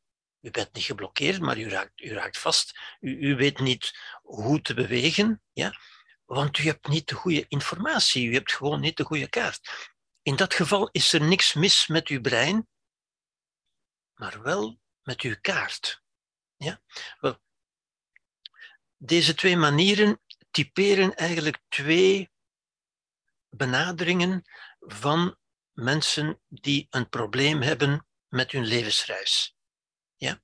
Twee manieren en twee disciplines, zou ik zeggen, die ik natuurlijk een beetje artificieel en een beetje, uh, een beetje met geweld uit elkaar haal, hè, om, om het duidelijk voor te stellen. Ja. Want we hebben natuurlijk ook maar vijf uh, lezingen en ook maar deze ene avond. Ja, ik kan niet alles in, in alle detail, dan, dan raken we zelf in de war. We moeten het een beetje didactisch, een beetje vereenvoudigd voorstellen. Ja? Um, de twee manieren zijn, ofwel is het een foute reiziger. Als er een fout is in de reiziger, dan moeten we de psychologie ter hulp roepen. Ofwel heeft die reiziger dus een psychologisch probleem met zijn denkvermogen, met zijn brein, kan hij niet helder nadenken, en is dat de reden dat hij vastzit? Dat noemen we dan de psychologie, of bij uitbreiding de psychiatrie. Ja? Psychiatrie die de toepassing is van de, van de psychologie, zou je kunnen zeggen. Hè? Die de ingenieurs van de psychologie zijn, zou je kunnen zeggen. Ja? Ofwel is het een foute kaart. En als u een foute kaart hebt, wie moeten we dan ter hulp roepen? Wie gaat over de kaart? Wel, dat zijn niet de psychologen, niet de psychiatrie, niet de psychologie, ja, maar wel de filosofie. De filosofie gaat over de kaart. In die zin dat de filosofie in feite een kaart is van het leven. In die zin dat filosofie toont, zoals een kaart dat doet, filosofie toont wat de mogelijkheden zijn in het leven. Filosofie zegt u niet waar u naartoe moet gaan of wat u moet doen. Dat is nog iets anders. Maar filosofie toont de mogelijkheden die er zijn. En misschien kunt u aan de hand van de filosofie kunt u begrijpen dat u niet de juiste kaart mee had. En kunt u een betere kaart ontwikkelen, waardoor u beter uw reis kunt maken. Ja? Ziet u, dat zijn de twee grote benaderingen, zou ik zeggen. Ofwel is er een fout met de reiziger, ofwel is er een fout met de kaart. Nu, als ik u dat zo zeg, dat, ik, ik, hoop dat dat u, voor u al sprekend is, ja, dan hoort u toch wel, denk ik, als u nu om u heen kijkt, ja, de meeste mensen, en natuurlijk als ik de meeste mensen zeg, is dat weer een veralgemening, en, en dat is nooit helemaal juist, hè. het is nooit helemaal juist, maar het is juist genoeg, zou ik zeggen. Ja? De meeste mensen in onze samenleving, die te maken hebben met problemen in hun leven, tot wie richten die zich? Ja. Wel, vaak eerst de huisarts, ja. en dan een psychiater of een psycholoog of een opname in de kliniek en zo verder. Ja? Terwijl ik eigenlijk denk, en dat is wat ik ook in deze lezingen zal, zal aankaarten ehm, natuurlijk, ja? dat de meeste mensen met problemen in hun leven, met levensproblemen dus, geen fout hebben in hun brein en dus geen psychologie of geen psychiatrie nodig hebben, maar wel een betere kaart. Met andere woorden, een betere filosofie, een beter overzicht over de mogelijkheden die er zijn. Ja? En nu begrijpt u natuurlijk onmiddellijk, het probleem van een kaart is, mensen zeggen dan ook vaak, ja, uh, ja maar een kaart, een kaart toont toch nooit alles? En dat is waar. Ja? Want een kaart die alles zou tonen, die zou totaal onoverzichtelijk en totaal onbruikbaar zijn. Ja? Een kaart, een goede kaart, is bruikbaar omdat ze een vereenvoudigde versie geeft van het land zelf. Het land zelf, het gebied zelf, is een enorm complex geheel waar u zich maar kunt in oriënteren door die vereenvoudigde versie die een kaart u geeft. Ja? En dat is juist het nut van een kaart. En mensen zeggen dan, ja, maar de realiteit is toch altijd anders dan de kaart? Inderdaad. Maar juist daarom is een kaart nuttig. Om u te kunnen oriënteren in die complexe realiteit, dat complexe gebied van het leven. En dat maakt het juist mogelijk dat u zich opnieuw kunt oriënteren en opnieuw uw levensreis kunt hervatten, eventueel. Ja? En dan begrijpt u natuurlijk dat wat ik u hier nu geef, en ik heb het u ook gezegd, is ook een vereenvoudigde versie van de realiteit. Ja? Want ik doe het nu voorkomen alsof er alleen maar psychologie of filosofie is, in werkelijkheid is dat ook complexer natuurlijk, maar ook dit is juist nuttig, omdat het een vereenvoudigde versie geeft van de realiteit. Ja? Einstein heeft ooit gezegd, je moet de dingen zo eenvoudig mogelijk voorstellen, maar niet eenvoudiger. Dat wil zeggen, niet zo eenvoudig dat het niet meer bruikbaar is dat het geen nuttige informatie meer geeft. Zo eenvoudig mogelijk, maar zodanig dat het nog altijd nuttige informatie geeft voor het doel dat u zich stelt. Ja? En het doel dat ik mij nu op dit moment hier stel met deze kaart, ook dit is een kaart, een vereenvoudigde versie van de realiteit, een, een filosofisch zicht op de realiteit dus, ja? Waarmee ik op een eenvoudige wijze aangeef van kijk, met mensen met problemen, en daar gaan we het toch vaak over hebben, want veel mensen hebben toch problemen in hun leven. Ja? En hoeveel mensen komen niet bij, bij psychiaters en bij filosofen en, worden, en, en bij psychologen pardon, en worden vaak eindeloos behandeld met antidepressiva en met opnamen in de kliniek en weet ik veel en weet ik veel. En dat lijkt maar niet op te houden. Wel, dan, moet je toch misschien gaan denken, misschien waren die mensen niet echt ziek, maar hadden die een verkeerd zicht, een verkeerde kaart van de realiteit. Ja? En dat is wat ik nu hier in deze lezingen, in deze vijf lezingen, met u ga doen. Dat we zeggen, u een kaart aanbieden, u een kaart voorstellen, met u een kaart bespreken, doornemen over die realiteit die het leven is. Het leven is, en ik wil het absoluut niet vereenvoudigd voorstellen. En u begrijpt nu wat een kaart doet. Een kaart is een vereenvoudigde voorstelling, maar het is inderdaad maar een kaart. Maar juist daarom is het nuttig. Ja? Goed, ik zou zeggen, wat is filosofie? Want u begrijpt dus, ik ga het niet zozeer over psychologie hebben, alhoewel ik daar ook dingen zal over zeggen, want, want de scheiding is ook niet zo strikt natuurlijk. Hè. We gaan het vooral hebben over filosofie. En ik ga het dus ook vooral hebben over de mensen met levensproblemen, maar die geen problemen van hun brein hebben of geen, geen problemen met hun denkvermogen.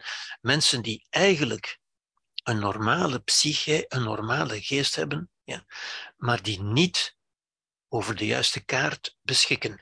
Niet omdat ze dom of slecht of lui zijn, maar omdat ze door omstandigheden, door hun opvoeding, door hun ouders, door de samenleving, niet de juiste kaart hebben gekregen. Ja? Nu, het gaat dus over filosofie. Dat is dus wat ik filosofie noem. Dat is de taak van de filosofie. Wat is dus filosofie? Om het, om het heel kort te zeggen. Ja? Filosofie geeft een kaart van het terrein, een kaart van de mogelijkheden. Het toont u hoe u van A naar B kunt komen en wat daartoe de wegen zijn, maar het zegt u niet wat u moet doen. Het is geen, geen, uh, geen moraal, geen ethiek. Het zegt u niet wat u moet doen. U moet kiezen wat u doet. Ja? Een kaart van het terrein. Een theorie dus. En vele mensen hebben schrik van het woord theorie. Ja? Maar het woordje theorie komt van het Griekse woordje theorie, verwant met het woordje theater uiteindelijk. Dat we zeggen een manier van kijken. Een manier van kijken naar dat spektakel dat het leven is. En een manier van kijken die u de logica daarvan toont. De verbanden, de mogelijkheden, de wegen die er zijn. En dus iets wat hierop lijkt, bijvoorbeeld, ja, ik weet niet of u dit herkent. Dit is Parijs bijvoorbeeld. Ja? Dit is een kaart van Parijs. Ik zeg met opzet een kaart, niet de kaart. Want er zijn nog kaarten van Parijs. Ja? Dit is er ook één bijvoorbeeld. En dit is er ook één. Ja? En u ziet, geen enkele kaart toont de hele werkelijkheid. Maar elke kaart toont, is, is bruikbaar voor een bepaald doel, voor een bepaalde manier van die werkelijkheid te bereizen, zou ik zeggen. Ja? En hier hebt u er nog één. Ja? Dit is een kaart die u bijvoorbeeld de belangrijke monumenten van Parijs toont. Ja? En als u bijvoorbeeld, uh, als u bijvoorbeeld uh, à Montmartre bent en u wil naar de Eiffeltoren, dan zegt u, ah, de Eiffeltoren staat hier. En dus, daar kan ik op die manier naartoe gaan. En dan kunt u eventueel een, een gedetailleerdere kaart erbij nemen om te zien welke wegen u kunt nemen om daar te komen en zo verder. Maar dan ziet u, u bent vertrokken. Hè? Ik ben hier, ik wil naar daar. Wat zijn de wegen? En die kaart toont mij de wegen. En u ziet, er is niet de kaart, er is een kaart. En er zijn meerdere kaarten. Het is dus ook niet van te discussiëren van wat is nu de juiste. Er is geen juiste. Een kaart moet bruikbaar zijn. Moet u op weg helpen, moet u de realiteit mogelijk maken van te bereizen, zou ik zeggen. Ja? Dus een kaart, en dat is wat ik ook noem een theorie. Dat is een manier van er naar te kijken, ja? zodanig dat u er wegwijs uitraakt, zou ik zeggen. Ja? Dus het is een theorie, maar het is bovendien uiterst praktisch. En daarmee wil ik een beetje ingaan natuurlijk tegen die mensen die zeggen, ja, maar ik wil geen theorie, ik wil praktijk, ik wil tips en tricks. En dan zeg ik, ja, er is niets zo praktisch als een goede theorie. Er is niets zo praktisch als een goed overzicht op de zaak. Ja? Hier is het Louvre, hier is het Eiffeltoren. Oké, zo kan ik er naartoe. Dat is buitengewoon praktisch. En toch is dit een theorie. In wezen is een theorie dat. Een theorie is een filosofie, als u wil, een, een overzicht, een schematisch overzicht van de werkelijkheid, waardoor u eruit wijs geraakt. Wel, dat is wat ik mij ook voorneem van te doen in deze lezingen, wat ik u ook voorneem van te doen met dat ingewikkelde gebied dat het leven is en dat, en dat complexe organisme dat de mens is. Ja. Uiterst praktisch dus. Theoretisch en toch uiterst praktisch. Ja. Het gaat bovendien, gaat een filosofie over de regels van het spel. Wat zijn de regels? Als het over Parijs gaat, zijn dat de verkeersregels. Hè. U moet weten waar u in enkele, eh, eh, maar in één richting mag rijden, waar u in twee richtingen mag rijden. U moet ook weten dat u rechts moet rijden en, en zo verder. Dat zijn de praktische, ook dat is heel praktisch, hè. de regels van het spel. De regels van het spel worden in het spel van het leven, in het levensspel, zijn dat de waarden, de ethiek, de politiek ook. Ja, dat zijn belangrijke regels, belangrijke regelgevende kaders in het leven, ja? zonder de welke u ook niet komt waar u wil komen. En bovendien zegt zij iets over het doel van het spel. Waarom zou ik dat doen? Nu, dat is een vraag die, die een heel belangrijke vraag, die vele mensen zich stellen, natuurlijk. Ja? En dat gaat over zingeving. En ook zingeving is een filosofische vraag. Is geen psychologische vraag, is geen, is geen vraag van, van psychologie, zou ik zeggen, maar is een vraag van filosofie. Ja? Wat is, heeft het leven wel een zin? En vooral, wat veel mensen ook zeggen, heeft mijn leven wel een zin? Ja? En u begrijpt, als u zou tot de conclusie komen, wat nogal wat mensen bewust of onbewust of halfbewust doen, van eigenlijk heeft het toch allemaal geen zin. Wel, als u dat gaat geloven, dan hebt u nog altijd geen psychisch probleem. Maar dan komt u wel in een toestand die men depressie kan noemen, want dan gaat u niks meer doen. Dan zegt u, ja, ik doe het niet meer, ik, ik speel niet meer mee. Het heeft geen zin. Het heeft geen zin is bijna het indicatorzinnetje, het, het diagnostische zinnetje bijna, voor wat men dan in de, in de medische wereld en in de psychologische wereld een depressie zou noemen. Ja? Waarbij weer, en dat, dat begrijpt u nu ook beter, waarbij weer de indruk zou gewekt worden, en concreet ook gewekt wordt, dat dat een ziekte zou zijn die te behandelen zou zijn. Nu, daar moeten we natuurlijk nog veel meer over zeggen, maar ik zeg het meteen al hier, natuurlijk, hè, en dan begrijpt u al welke richting wij uitgaan. Dat is geen kwestie van ziekte en behandeling en genezing, dat is het medische model. Nee, dat is een ziekte van een, een probleem, een, een kwestie, een zaak van zingeving. Als u er geen zin in ziet, in die reis, dan hebt u er ook geen zin in.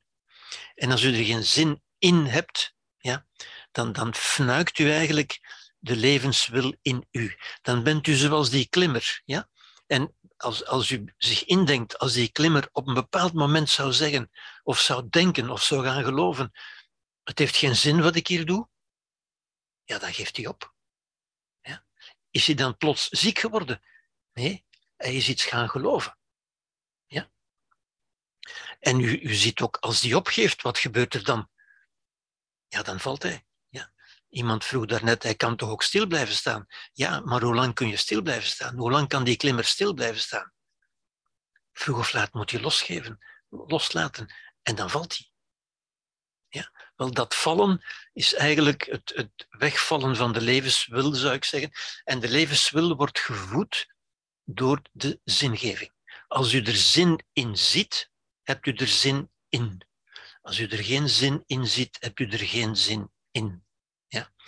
Dat zijn dingen waar ik op terugkom natuurlijk, maar die, die hier al meteen kunnen besproken worden en meteen al een bepaald licht werpen op de, op de zaak. Ja. Dus dat is de metafoor van de reis. Ja? En u ziet, het, het geeft meteen al een aantal inzichten natuurlijk. Ja? Een andere metafoor, maar evenzeer een metafoor, is de metafoor van de school. Ja? En dan zou ik kunnen zeggen, hoe, gaat die metafoor? Wel, dan zou je kunnen zeggen, wij komen allemaal ter wereld zoals dit. Dat is al lang geen één cel meer, dat is al vele cellen, dat is al twee biljoen cellen ongeveer. Maar dat is al een, een, een menselijk wezen, zou je kunnen zeggen. Hè? Zo zijn wij allemaal begonnen, ooit. Ja? Nu, zo'n wezentje, ik heb, ik heb dat in het begin ook gezegd, is eigenlijk van nature gelukkig, zolang het alles krijgt wat het nodig heeft. Ja. Meestal is dat geen probleem, omdat moeders uh, graag uh, geven en al vooruitlopen op wat dat kind zou kunnen nodig hebben en, en meer dan het nodig heeft en zo verder. En dus dat wezentje is van nature, in de meeste gevallen, is zo'n kind een gelukkig kind. Het is een beetje gelukkig, hè, zoals dit wezentje gelukkig is. Ja? En om die reden noemt men dat vaak ook een porcratisch geluk. Het is het porcratische geluk, wat men ook aan Epicurus uh, zei bijvoorbeeld. Ja. Het is het porcratische geluk dat eruit bestaat dat je gelukkig bent. Is dat geluk? Ja, dat is een geluk natuurlijk. Hè. Maar het is een heel broos en afhankelijk geluk. Dat wil niet zeggen dat dat wezentje broos is natuurlijk, hè, maar dat, dat geluk is broos.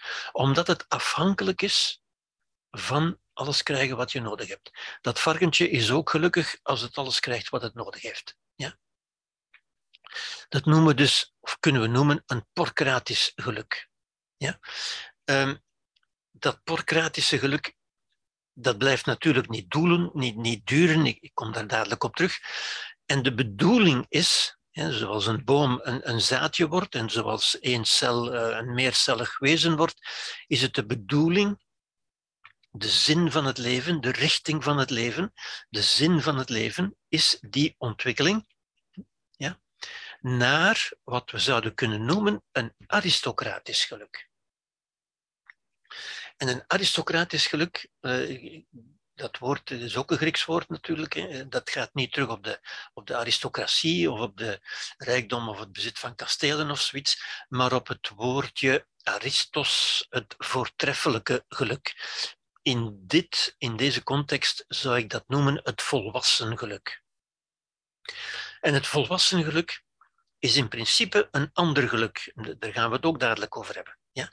Dat is niet het geluk omdat je alles krijgt wat je nodig hebt, maar wel het geluk dat je creëert, ondanks het feit dat je vaak niet krijgt. En dan begrijpt u, dat is een veel volwassener, een veel autonomer, een veel robuuster, een minder kwetsbaar geluk dan het porcratische geluk, dat afhankelijk is van alles krijgen wat je nodig hebt. Ja? Hier zou ik de figuur, deze figuur als voorbeeld kunnen bijzetten. Ja, Nelson Mandela.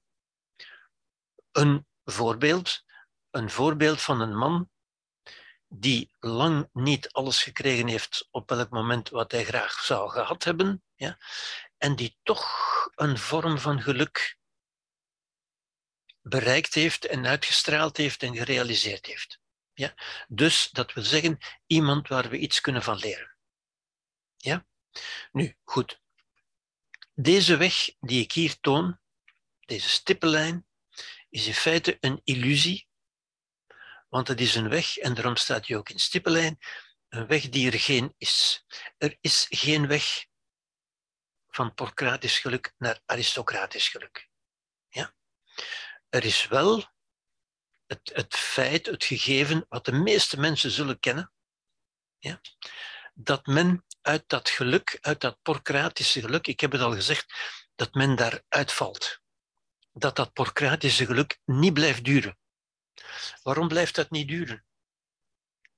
Wel, het is bijna onvermijdelijk en het is ook goed, daar, kom ik dadelijk op terug, waarom dat ook goed is. Ja. Maar het is ook onvermijdelijk dat zo'n kind kennis maakt met het feit dat het vroeg of laat toch niet alles krijgt wat het nodig heeft. Ja? Met andere woorden, dat het uit zijn geluk uitvalt. En dat het terechtkomt, het, het, het wordt niet altijd toegedekt als het kou heeft, het krijgt niet altijd honger, niet altijd voeding als het honger heeft, ja. En het komt terecht in wat we zouden kunnen noemen ja, ongeluk. Ja, voor een kind is dat huilen natuurlijk, hè, maar dat kind ervaart chaos, turbulentie, wanorde tegenover de orde, wanorde. Ja. Stress, depressie, lijden. Nu gebruik ik heel algemene woorden om het lijden aan te geven. Ja? En vele mensen zijn in dat lijden. Zijn uit dat procratische geluk gevallen, ja? dat ze kenden als kind. Ja? Wat is een van de belangrijke verstoorders van dat geluk. Dat, dat geluk wordt verstoord. En een van de belangrijke verstoorders van dat geluk, Freud noemde dat het initiële trauma, het feit dat het geluk verstoord is. Ook Lacan sprak daarover, ook Levinas heeft erover gesproken. En wat is een van de belangrijke verstoorders van dat geluk? Wel, dat is de vader, de man. Ja? Want de vader, die komt dat initiële geluk, dat symbiotische geluk, dat bestaat tussen dat kind en zijn moeder. Zijn moeder die, die, die van hem was, die altijd voor hem zorgde. En vroeg of laat komt die vader zeggen van, hela, maar die moeder die is niet van jou, die is van mij. Die komt die moeder terug opeisen. Ja? En die moet dat ook doen, dat is zijn rol. Die moet dat doen opdat het kind de kans zou krijgen van zich los te maken uit die symbiotische band. Ja? Dat is het fameuze, Freud noemt dat het Oedipus-complex, dat is het fameuze Oedipus-complex, wat eigenlijk gaat over leren aanvaarden dat je niet altijd krijgt wat je wil. Ja? U kent wel die mythe, Freud heeft die ook gebruikt. ja, goed, ik ga daar nu niet in detail op in. Maar die eigenlijk neerkomt op leren aanvaarden dat je niet altijd krijgt wat je wil. En dat leren aanvaarden, ook Lacan had het daarover, ook Levinas heeft het daarover. Ja? Levinas breidt dat eigenlijk uit, zou je kunnen zeggen. Hè? Freud sprak vooral over de vader, de vader of de vaderlijke figuur, dat moet niet altijd de biologische vader zijn, maar de vaderlijke figuur, een man dus, die die vrouw terugkomt nemen, bij wijze van spreken. Ja. Levinas breidde dat uit, de Joodse, Frans-Joodse filosoof Levinas. En hij zei, het, het zijn de anderen het zijn de anderen die ons verstoren, die ons geluk verstoren. En heel in het algemeen is dat ook waar. Ja? Want de anderen, het feit dat de anderen er zijn, plaatst een beperking op mijn vrijheid, op mijn ongebreidelde lustbeleving. Ja? Freud noemde dat het, het realiteitsprincipe, dat de plaats moet innemen van het lustprincipe. Het procratische geluk is het lustprincipe. Ja? Ik moet mij op elk moment goed kunnen voelen en alle plezier kunnen hebben dat ik wil. Hola, hola. De realiteit zegt mij, dat lukt niet altijd. Je kunt niet altijd alles krijgen wat je wil. Dat is de realiteit. Het realiteitsprincipe, vooral ook de anderen. Het zijn de anderen die zeggen, ja maar manneke, jouw vrijheid stopt waar mijn vrijheid begint. En dus dat is een beperking, een verstoring van dat initiële geluk. Ja? zeer belangrijk natuurlijk. En u begrijpt ook, dat is een belangrijke vaardigheid, een belangrijke ervaring voor zo'n kind naar volwassenwording natuurlijk. Ja? Dat is ook het begin van wat we zouden noemen, dat heeft Levinas ook gezegd, de Socratische methode. De Socratische methode die eigenlijk de filosofische methode is.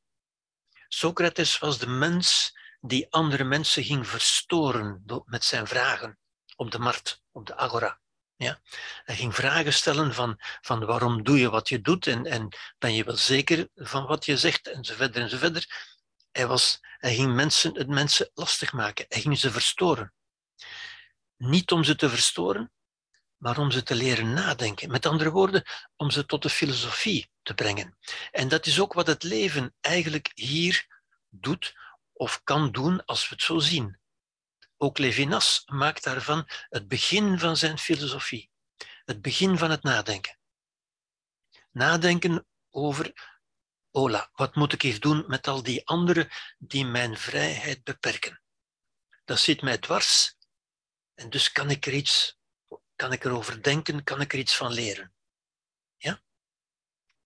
Dat proces van volwassenwording eigenlijk. Ja? Dit is Socrates, die, die ik een beetje als, als model stel van de Socratische methode, zou ik zeggen. Een methode die bedoeld is om, ik heb u gezegd, de filosofie heeft als doel het geluk te bereiken. En dus het doel van die methode is van tot een aristocratisch geluk te komen. En dus u ziet het doel, de weg die deze filosofie, ook dit is dus een kaart natuurlijk, hè, een filosofie over de filosofie als u wil, ja, die zegt, die kaart, het, het verloopt over. Ja, en hier, de Socratische methode, is de methode om wijsheid op te doen die wij moeten leren, want die krijgen we dus niet mee. Dat zijn die 10 tot de 15e verbindingen, weet u wel. Alles wat we nog moeten leren eens we geboren zijn en ter wereld komen. Eens we wat we moeten leren om tot een aristocratisch geluk te komen. Dus dat is de Socratische methode.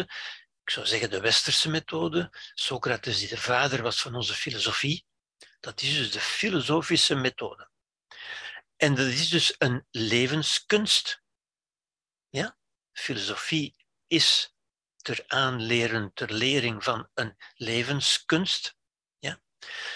En elke levenskunst, en er zijn er nog natuurlijk, ik zal daar ook nog op terugkomen, elke levenskunst moet een, groot antwoord, moet een antwoord geven op twee grote vragen. De eerste vraag ligt voor de hand en volgt eigenlijk al onmiddellijk uit wat ik hier heb gezegd. Namelijk het lijden. Dat kind maakt kennis met het lijden. Het lijden is in wezen dat. Ja? Aanlopen tegen beperkingen. Niet krijgen wat je wil. Gefrustreerd zijn. Een kind wordt dan boos ook. Vele volwassenen ook trouwens. Ja? Een levenskunst is, moet een antwoord geven op die eerste belangrijke vraag die, die hierin begrepen zit. Namelijk hoe omgaan met het lijden. En u ziet, ik, ik heb het lijden hier bijna voorgesteld als een noodzakelijk kwaad, zou ik bijna zeggen, als een noodzakelijkheid, als een noodzakelijke opstap naar een aristocratisch geluk, als een noodzakelijkheid om te komen tot een aristocratisch geluk. Ja? En ik zie inderdaad nogal wat mensen die bij gebrek aan voldoende zou ik zeggen, aanleren van deze wijsheden, deze filosofische wijsheden, er niet in slagen een volwassen geluk, een aristocratisch geluk te bereiken. En die dus blijven zitten, vastzitten zeggen ze dan, die zitten niet vast natuurlijk, hè, maar die, die, die blijven kijken naar die, die deur die dichtgegaan is, die deur van het kinderlijke geluk, het, het geluk dat ze kwijtgeraakt zijn en wat ze niet terugkrijgen. En ze verlangen terug naar dit geluk, maar dit geluk komt niet meer terug. Want het leven gaat nooit achteruit, het gaat alleen vooruit. Ja, je kunt alleen verder klimmen, zou je zeggen. Ja? Verder klimmen naar een volwassen geluk. En dit is dus bijna een noodzakelijkheid. Ik denk ook dat het echt een noodzakelijkheid is. Ja? Men moet, dit geluk moet verstoord worden om aan te zetten om te prikkelen tot nadenken en te komen tot wijsheid, dat wil zeggen filosofie, ja, om te komen tot een volwassen geluk. Ja. Een eerste, dat is een eerste vraag. Ja. Deze vraag is grotendeels waar deze eerste vijf lezingen zullen over gaan. Hoe omgaan met het lijden. Het lijden dat voor de meeste mensen, ik denk, ik ik ken persoonlijk geen mensen die zeggen: Ik heb nog nooit geleden in mijn leven. Ik heb altijd alles gekregen wat ik nodig had. Nu, ik, ik denk mensen die alles gekregen hebben wat ze nodig hebben, en er zijn mensen die dat benaderen, nu, die zijn eigenlijk gehandicapt voor hun volwassen leven. Want die zijn niet in staat om de realiteit, het realiteitsprincipe volgens Freud, ja, te aanvaarden en daarin toch tot een gelukkig leven te komen. En dat is juist de uitdaging. Ja? Dus die raken ergens vast op hun weg. Ja? En, en men kan die dan depressief noemen of zeggen dat ze ziek zijn, maar uiteindelijk hebben in de, in de meeste gevallen hebben die mensen gewoon niet de juiste kaart met de juiste weg om daar naartoe te komen. Niet omdat ze dom of slecht of lui of ziek zijn, maar omdat ze het niet geleerd hebben.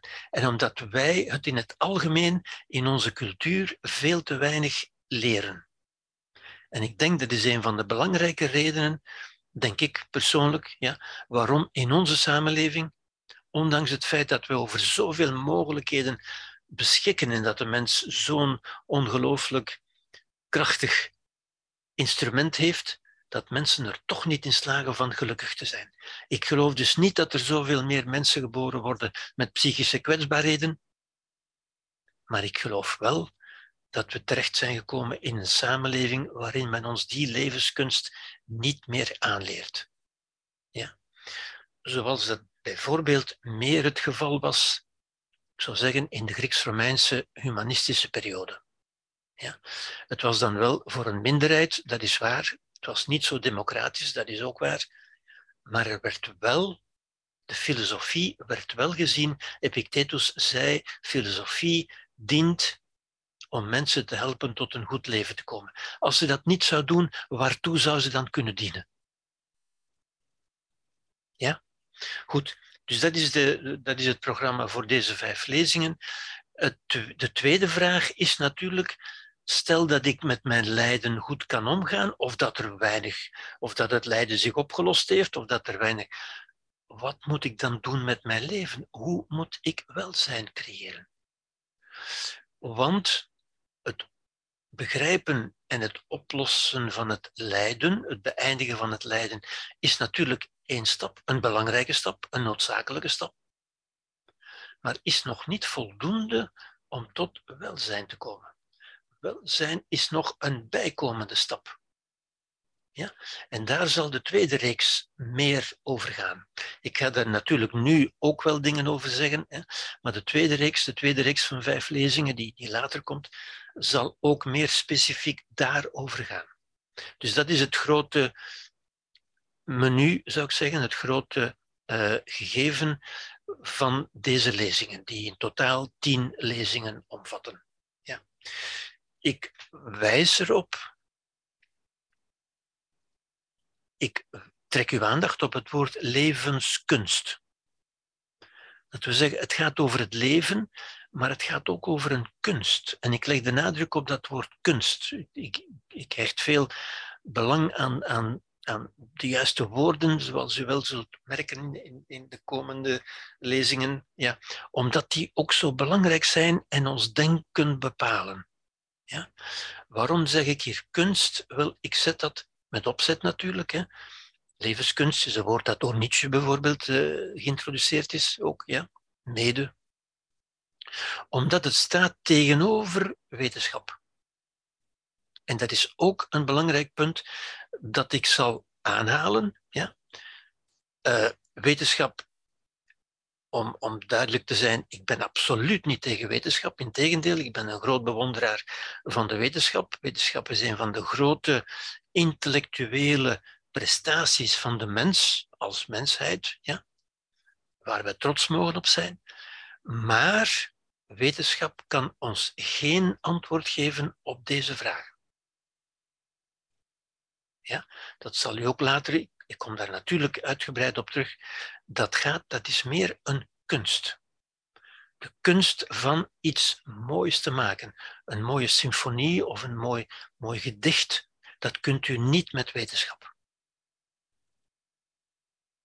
Ja? Ik ga daar nog uitgebreid op terugkomen natuurlijk, maar ik geef weer al dit inzicht nu mee.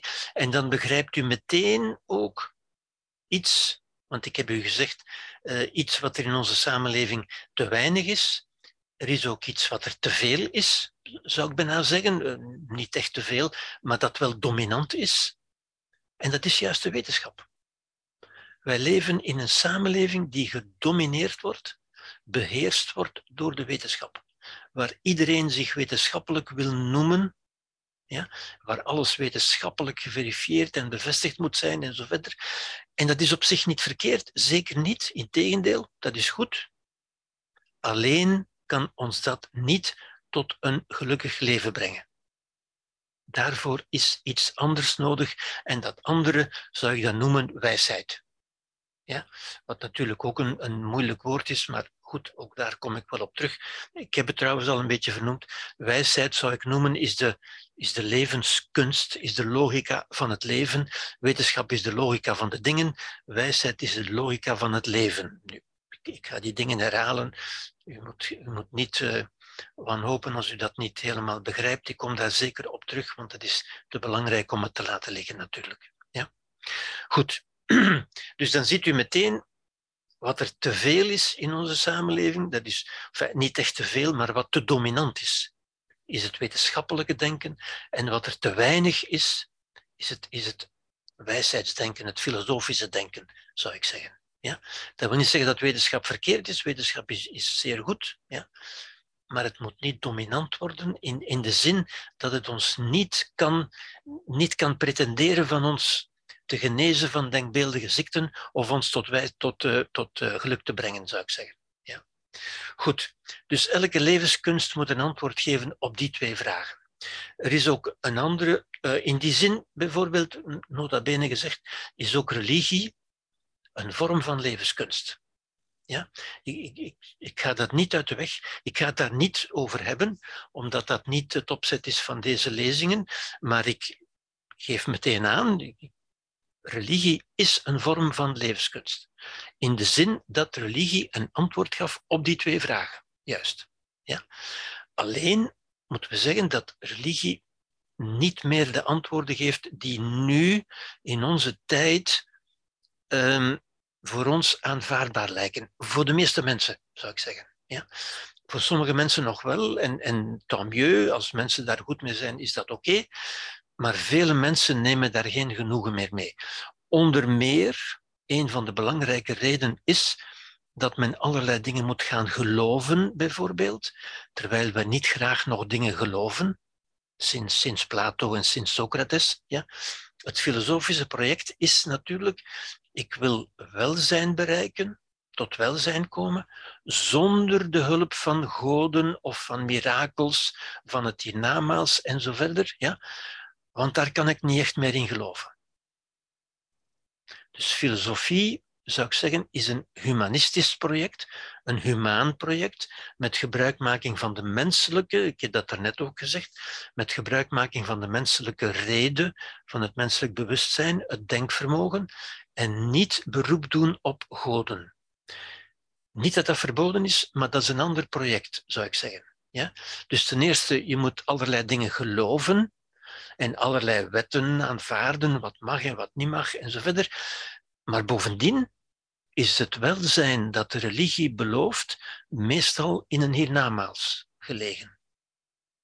Terwijl het humanistische project, dat was ook Plato, ook Socrates, ja, ook vele anderen natuurlijk, ja, ervan uitgaan, ook iemand die ik onmiddellijk zal, zal, zal noemen, uh, ervan uitgaan van nee, het geluk als het geluk bestaat, dan moet het nu bestaan.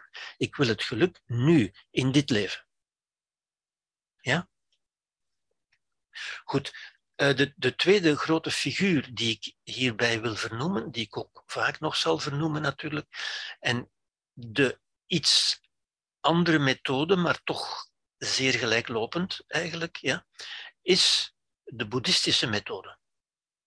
Ja? Um, het is zeer gelijklopend in die zin, in wat ik net heb gezegd, dat ook de Boeddha, in tegenstelling tot wat veel mensen begrijpen dat niet goed, maar ook de Boeddha doet geen beroep op een goddelijke interventie. Ja?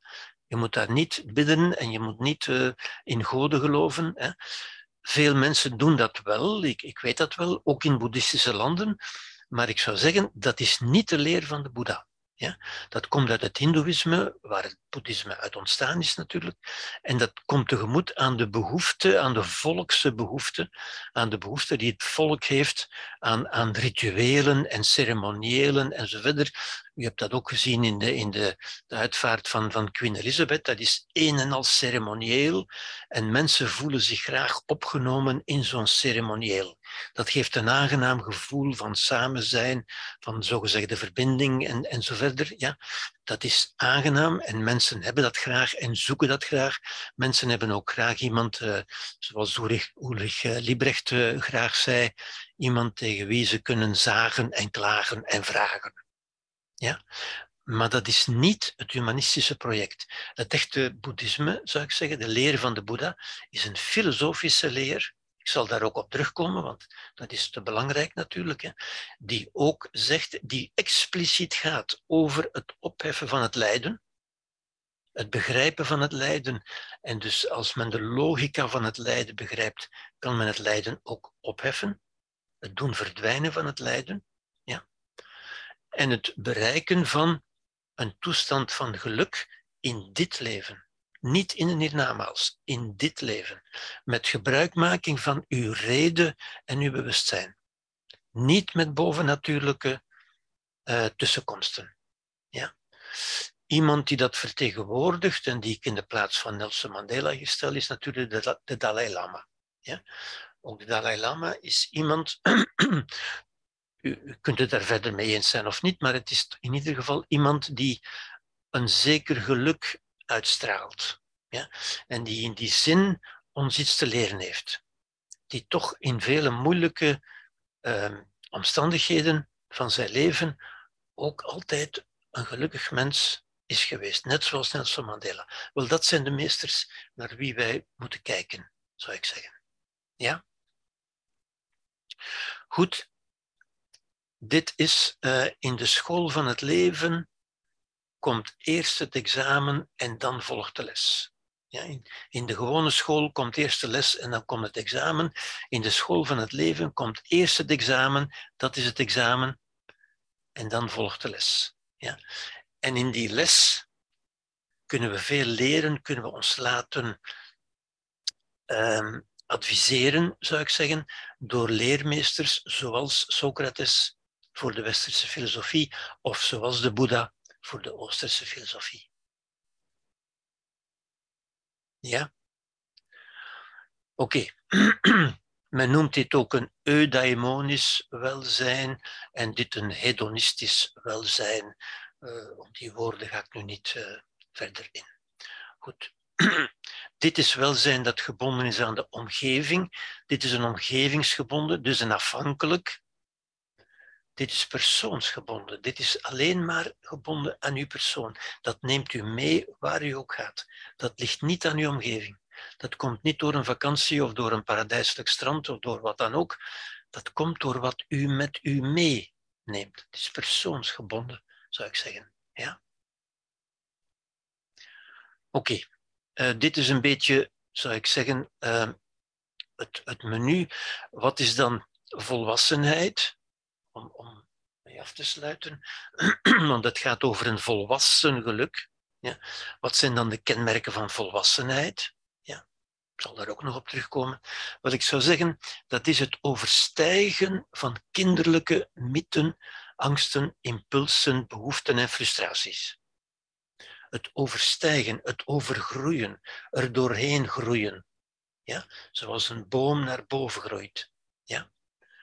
Om te leven volgens de reden en volgens eigen waarden, in plaats van geleefd te worden door toevallige omstandigheden en patronen. Dat is het kinderlijke geluk, het hedonistische geluk. Ja? De omstandigheden en de patronen, ja? de omgeving bepaalt dan of u gelukkig bent. Terwijl de reden en uw eigen waarden, dat komt uit uzelf. Ja? Verlicht door liefde en mededogen. En ook dat zijn waarden waar we nog zullen op ingaan, natuurlijk. Ja? Oké, het is kwart voor tien, zie ik. Ik um, zou het hier willen afsluiten om nog even tijd te laten voor de vragen, als er nog vragen zijn. En u de kans te geven nog iets te zeggen. Oké.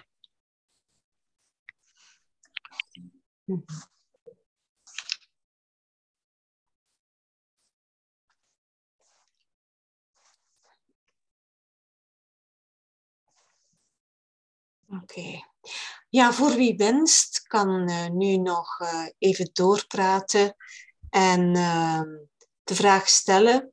Het is natuurlijk prettig om je uh, cameraatje dan aan te zetten, want, ehm, maar wees niet bang voor de, voor de opname. Um, we zorgen daar wel voor als je dat liever niet hebt. Maar het is wel handig als we toch even weten met welke mens we kunnen spreken. Um, ik zie dat Frederik dus al een vraag heeft. Dus ik heb vanavond een, een, een heel algemene inleiding over het verschijnsel mens gegeven. Ja. Het wondere verschijnsel mens. En ook een inleiding op het, op het concept, op het begrip levenskunst, zou ik zeggen. Ja? Op het leven, het menselijke leven in zekere zin. Ja? Ik heb u eigenlijk alleen maar die, die, die menukaart en dingen die we verder gaan uitwerken in de volgende lezingen, natuurlijk. Ja. ja. Dus vragen, bedenkingen, erkennende gedachten of weerstand oproepende ideeën. Uh, we hebben nog een kwartiertje tijd om daarop in te gaan. En ik, uh, je kan daarvoor je handje opsteken. En dan zullen we onmiddellijk zien wie graag het woord neemt. En ik zou die al willen geven aan Jeroen. Jeroen, je hebt een vraag microfoontje nooit, uh, niet vergeten uit te zetten, of aan te zetten, excuseer. Ja, dank u wel. Dank u wel. Uh, allereerst bedankt aan Gerbert voor de mooie inleiding. Um, ik kreeg laatst op mijn werk te maken met, met een programma heet Brein je baas, waarin allerlei psychologische manieren ja. getoond werden om met stress om te gaan. En ik vroeg daarvan, er zijn toch verschillende manieren om daarmee om te gaan. En sommige helpen wel, zei ik, misschien niet helemaal goed geformuleerd, en andere helpen minder. Um, het werd er allemaal op één hoop gegooid. Mijn vraag is eigenlijk, als het, als uh, levenskunst gaat, dat betekent dus ook dat er, uh, uh, zoals bij schilderij, betere manieren zijn om tot de kunst het schilderij te maken en manieren die minder handig zijn om het schilderij te maken. zie ik dat goed? Uh, hoort ook in het tweede deel, maar... Ik kan daarin meegaan, ja. Ja. Ja. Nou, dan, dan zie ik dat goed. Ja, ja, dat klopt, dat klopt natuurlijk. Um, ik ga u natuurlijk uh, de dingen zeggen die, die in mijn visie, volgens mijn theorie, mijn zienswijze, de geschikte manieren zijn natuurlijk. Hè. Ja. Maar er zijn natuurlijk verschillende manieren. Ik ga dus niet, zo, wat, ik, wat ik u hoor zeggen, ik ken dat boek trouwens ook, dat is een van de vele boeken natuurlijk. Um, ik, heb u ook gezegd, ik ga u niet tips en tricks geven om, om met stress om te gaan. Ik ga u wel proberen duidelijk te maken wat, wat stress meer in het algemeen eigenlijk is. Stress is natuurlijk een vorm van lijden, is, staat aan het begin van elke vorm van lijden, zou ik zeggen. Ja. En dus alles wat we voor lijden zeggen, geldt ook voor stress. Stress is een vorm, een beginnende vorm van lijden. Ja? En ik ja. denk als u die, als, als die logica duidelijk is, dan zal het u ook duidelijk zijn wat u kunt doen. En waarom diverse tips en tricks al dan niet werken. Ja. ja? Helder, dank u wel. Ja? Ik zie uh, Frederik, dus ik uh, ga mij muten en dan kan uh, Frederik uh, vragen stellen. Ja, Frederik, um, als je je microfoontje aanzet, want er was een probleem met je camera, dacht ik, hè? Maar doe maar. Ah, maar die staat.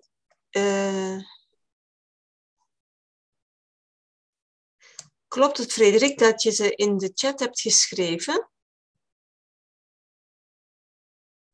Hij heeft geschreven dat hij ook ja. geen uh, microfoon heeft. Ja. Ah ja, ik heb nu. Ja, goed. Ik ga je vraag dan even voorlezen ja. over het bereiken van aristocratisch geluk. eh, is het een kwestie van oefenen en zie je dat oefenen als er herhaaldelijk dagelijks energie insteken om de nodige verbindingen in ons brein te vormen? Uh, ja, maar die energie, zou ik zeggen, is minimaal. We leven niet langer in het energietijdperk, in het energieparadigma. We leven in het informatieparadigma. Ja? En in het informatieparadigma weten we dat informatie bijna geen energie kost. Ja? Als u even naar uw gsm kijkt, dan ziet u daar een ongelooflijk complex apparaat met veel informatie en bijzonder weinig energie. Het is niet als een, een stoommachine, heeft veel energie en weinig informatie. Een, gsm, een smartphone, heeft veel informatie en weinig energie. Ons brein is een orgaan met veel informatie en weinig energie. Dus het komt niet op de energie aan, het komt aan op de informatie. Ja? Het komt erop aan ons brein te voeden met de juiste informatie. De energie, dat gaat vanzelf, dat moet u zich niet aantrekken. Ja, die wordt toegevoerd door uw bloed en uw, uw brein neemt zelf de energie die het nodig heeft. U moet uw brein alleen voeden met de goede informatie. De goede filosofie, zou ik zeggen. Hè? Filosofie is informatie uiteindelijk. En die verbindingen, daar moet u zich ook niks van aantrekken, dat gebeurt allemaal vanzelf. Ja? Ik zou zeggen, zoals om, om nu ook weer een metafoor te gebruiken, um, wat u met uw lichaam doet, is, u stopt daar allerlei voedingsmiddelen in en u vertrouwt verder op uw lichaam dat het die voedingsmiddelen zal afbreken, daar de juiste substanties uithalen, naar de juiste plaats brengen, dan moet u zich verder niks van aantrekken. U kunt uw lichaam vertrouwen. Ja? En wat niet verteerbaar is, dat wordt ook weer uitgescheiden. Dat moet u zich ook niet aantrekken. Wel, uw brein is een beetje gelijk. Uw enige verantwoordelijkheid is van uw brein te voeden met de juiste informatie, met, met goede informatie, zal ik zeggen. De juiste, dat is nog iets anders, maar, maar de goede, bruikbare informatie. Hoe uw brein daarmee actief aan het werk gaat, dat doet uw brein zelf. Daar kunt u op rekenen. Ja, is dat een antwoord? Ja, u hoort. Is het een antwoord een beetje op je vraag, Frederik? Omdat je zegt, het is toch ja, ook... Hij kan niet antwoorden. Dank u zeer. Ja. Mm -hmm.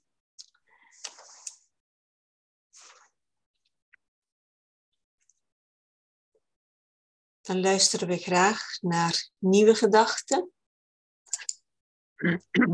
vragen, erkenningen, herkenningen. Of mag het allemaal een beetje bezinken? Misschien is het dat. Hè? Ja, ja. ja. want we staan natuurlijk ook aan het begin van vijf lezingen. Ik neem aan dat er nog vele vragen zijn, maar ik kan niet alle vragen tegelijk beantwoorden natuurlijk. En veel van uw vragen zullen ongetwijfeld in de volgende lezingen vanzelf beantwoord worden. Oké, als er niemand nog uh, vragen heeft, dan. Uh... Mag ik dan nog uh, compliment geven aan Gerbert over uw mooie gesprekken met Arne? Ah. Die ik met veel plezier beluister. En met name de laatste, het gesprek over kaas. ging over goed en kwaad. Dat was een pareltje. Uh, zeer dankbaar daarvoor. Dat was buitengewoon geweldig. Met mooie, hele mooie inzichten. Dank u wel, Jeroen. Ja, ja. Dank u wel. Okay. Meteen weten de anderen dat ook natuurlijk. Oké. Okay. Dus... Dank u wel, iedereen. En dan graag tot de volgende keer, volgende donderdag om 19.30 uur. Tot volgende week dan. Dag. Hartelijk dank. Is het donderdag of dinsdag? Uh, dinsdag, pardon. Het is dinsdag toch? Dinsdag, ja, pardon. Heb okay. ik donderdag gezegd?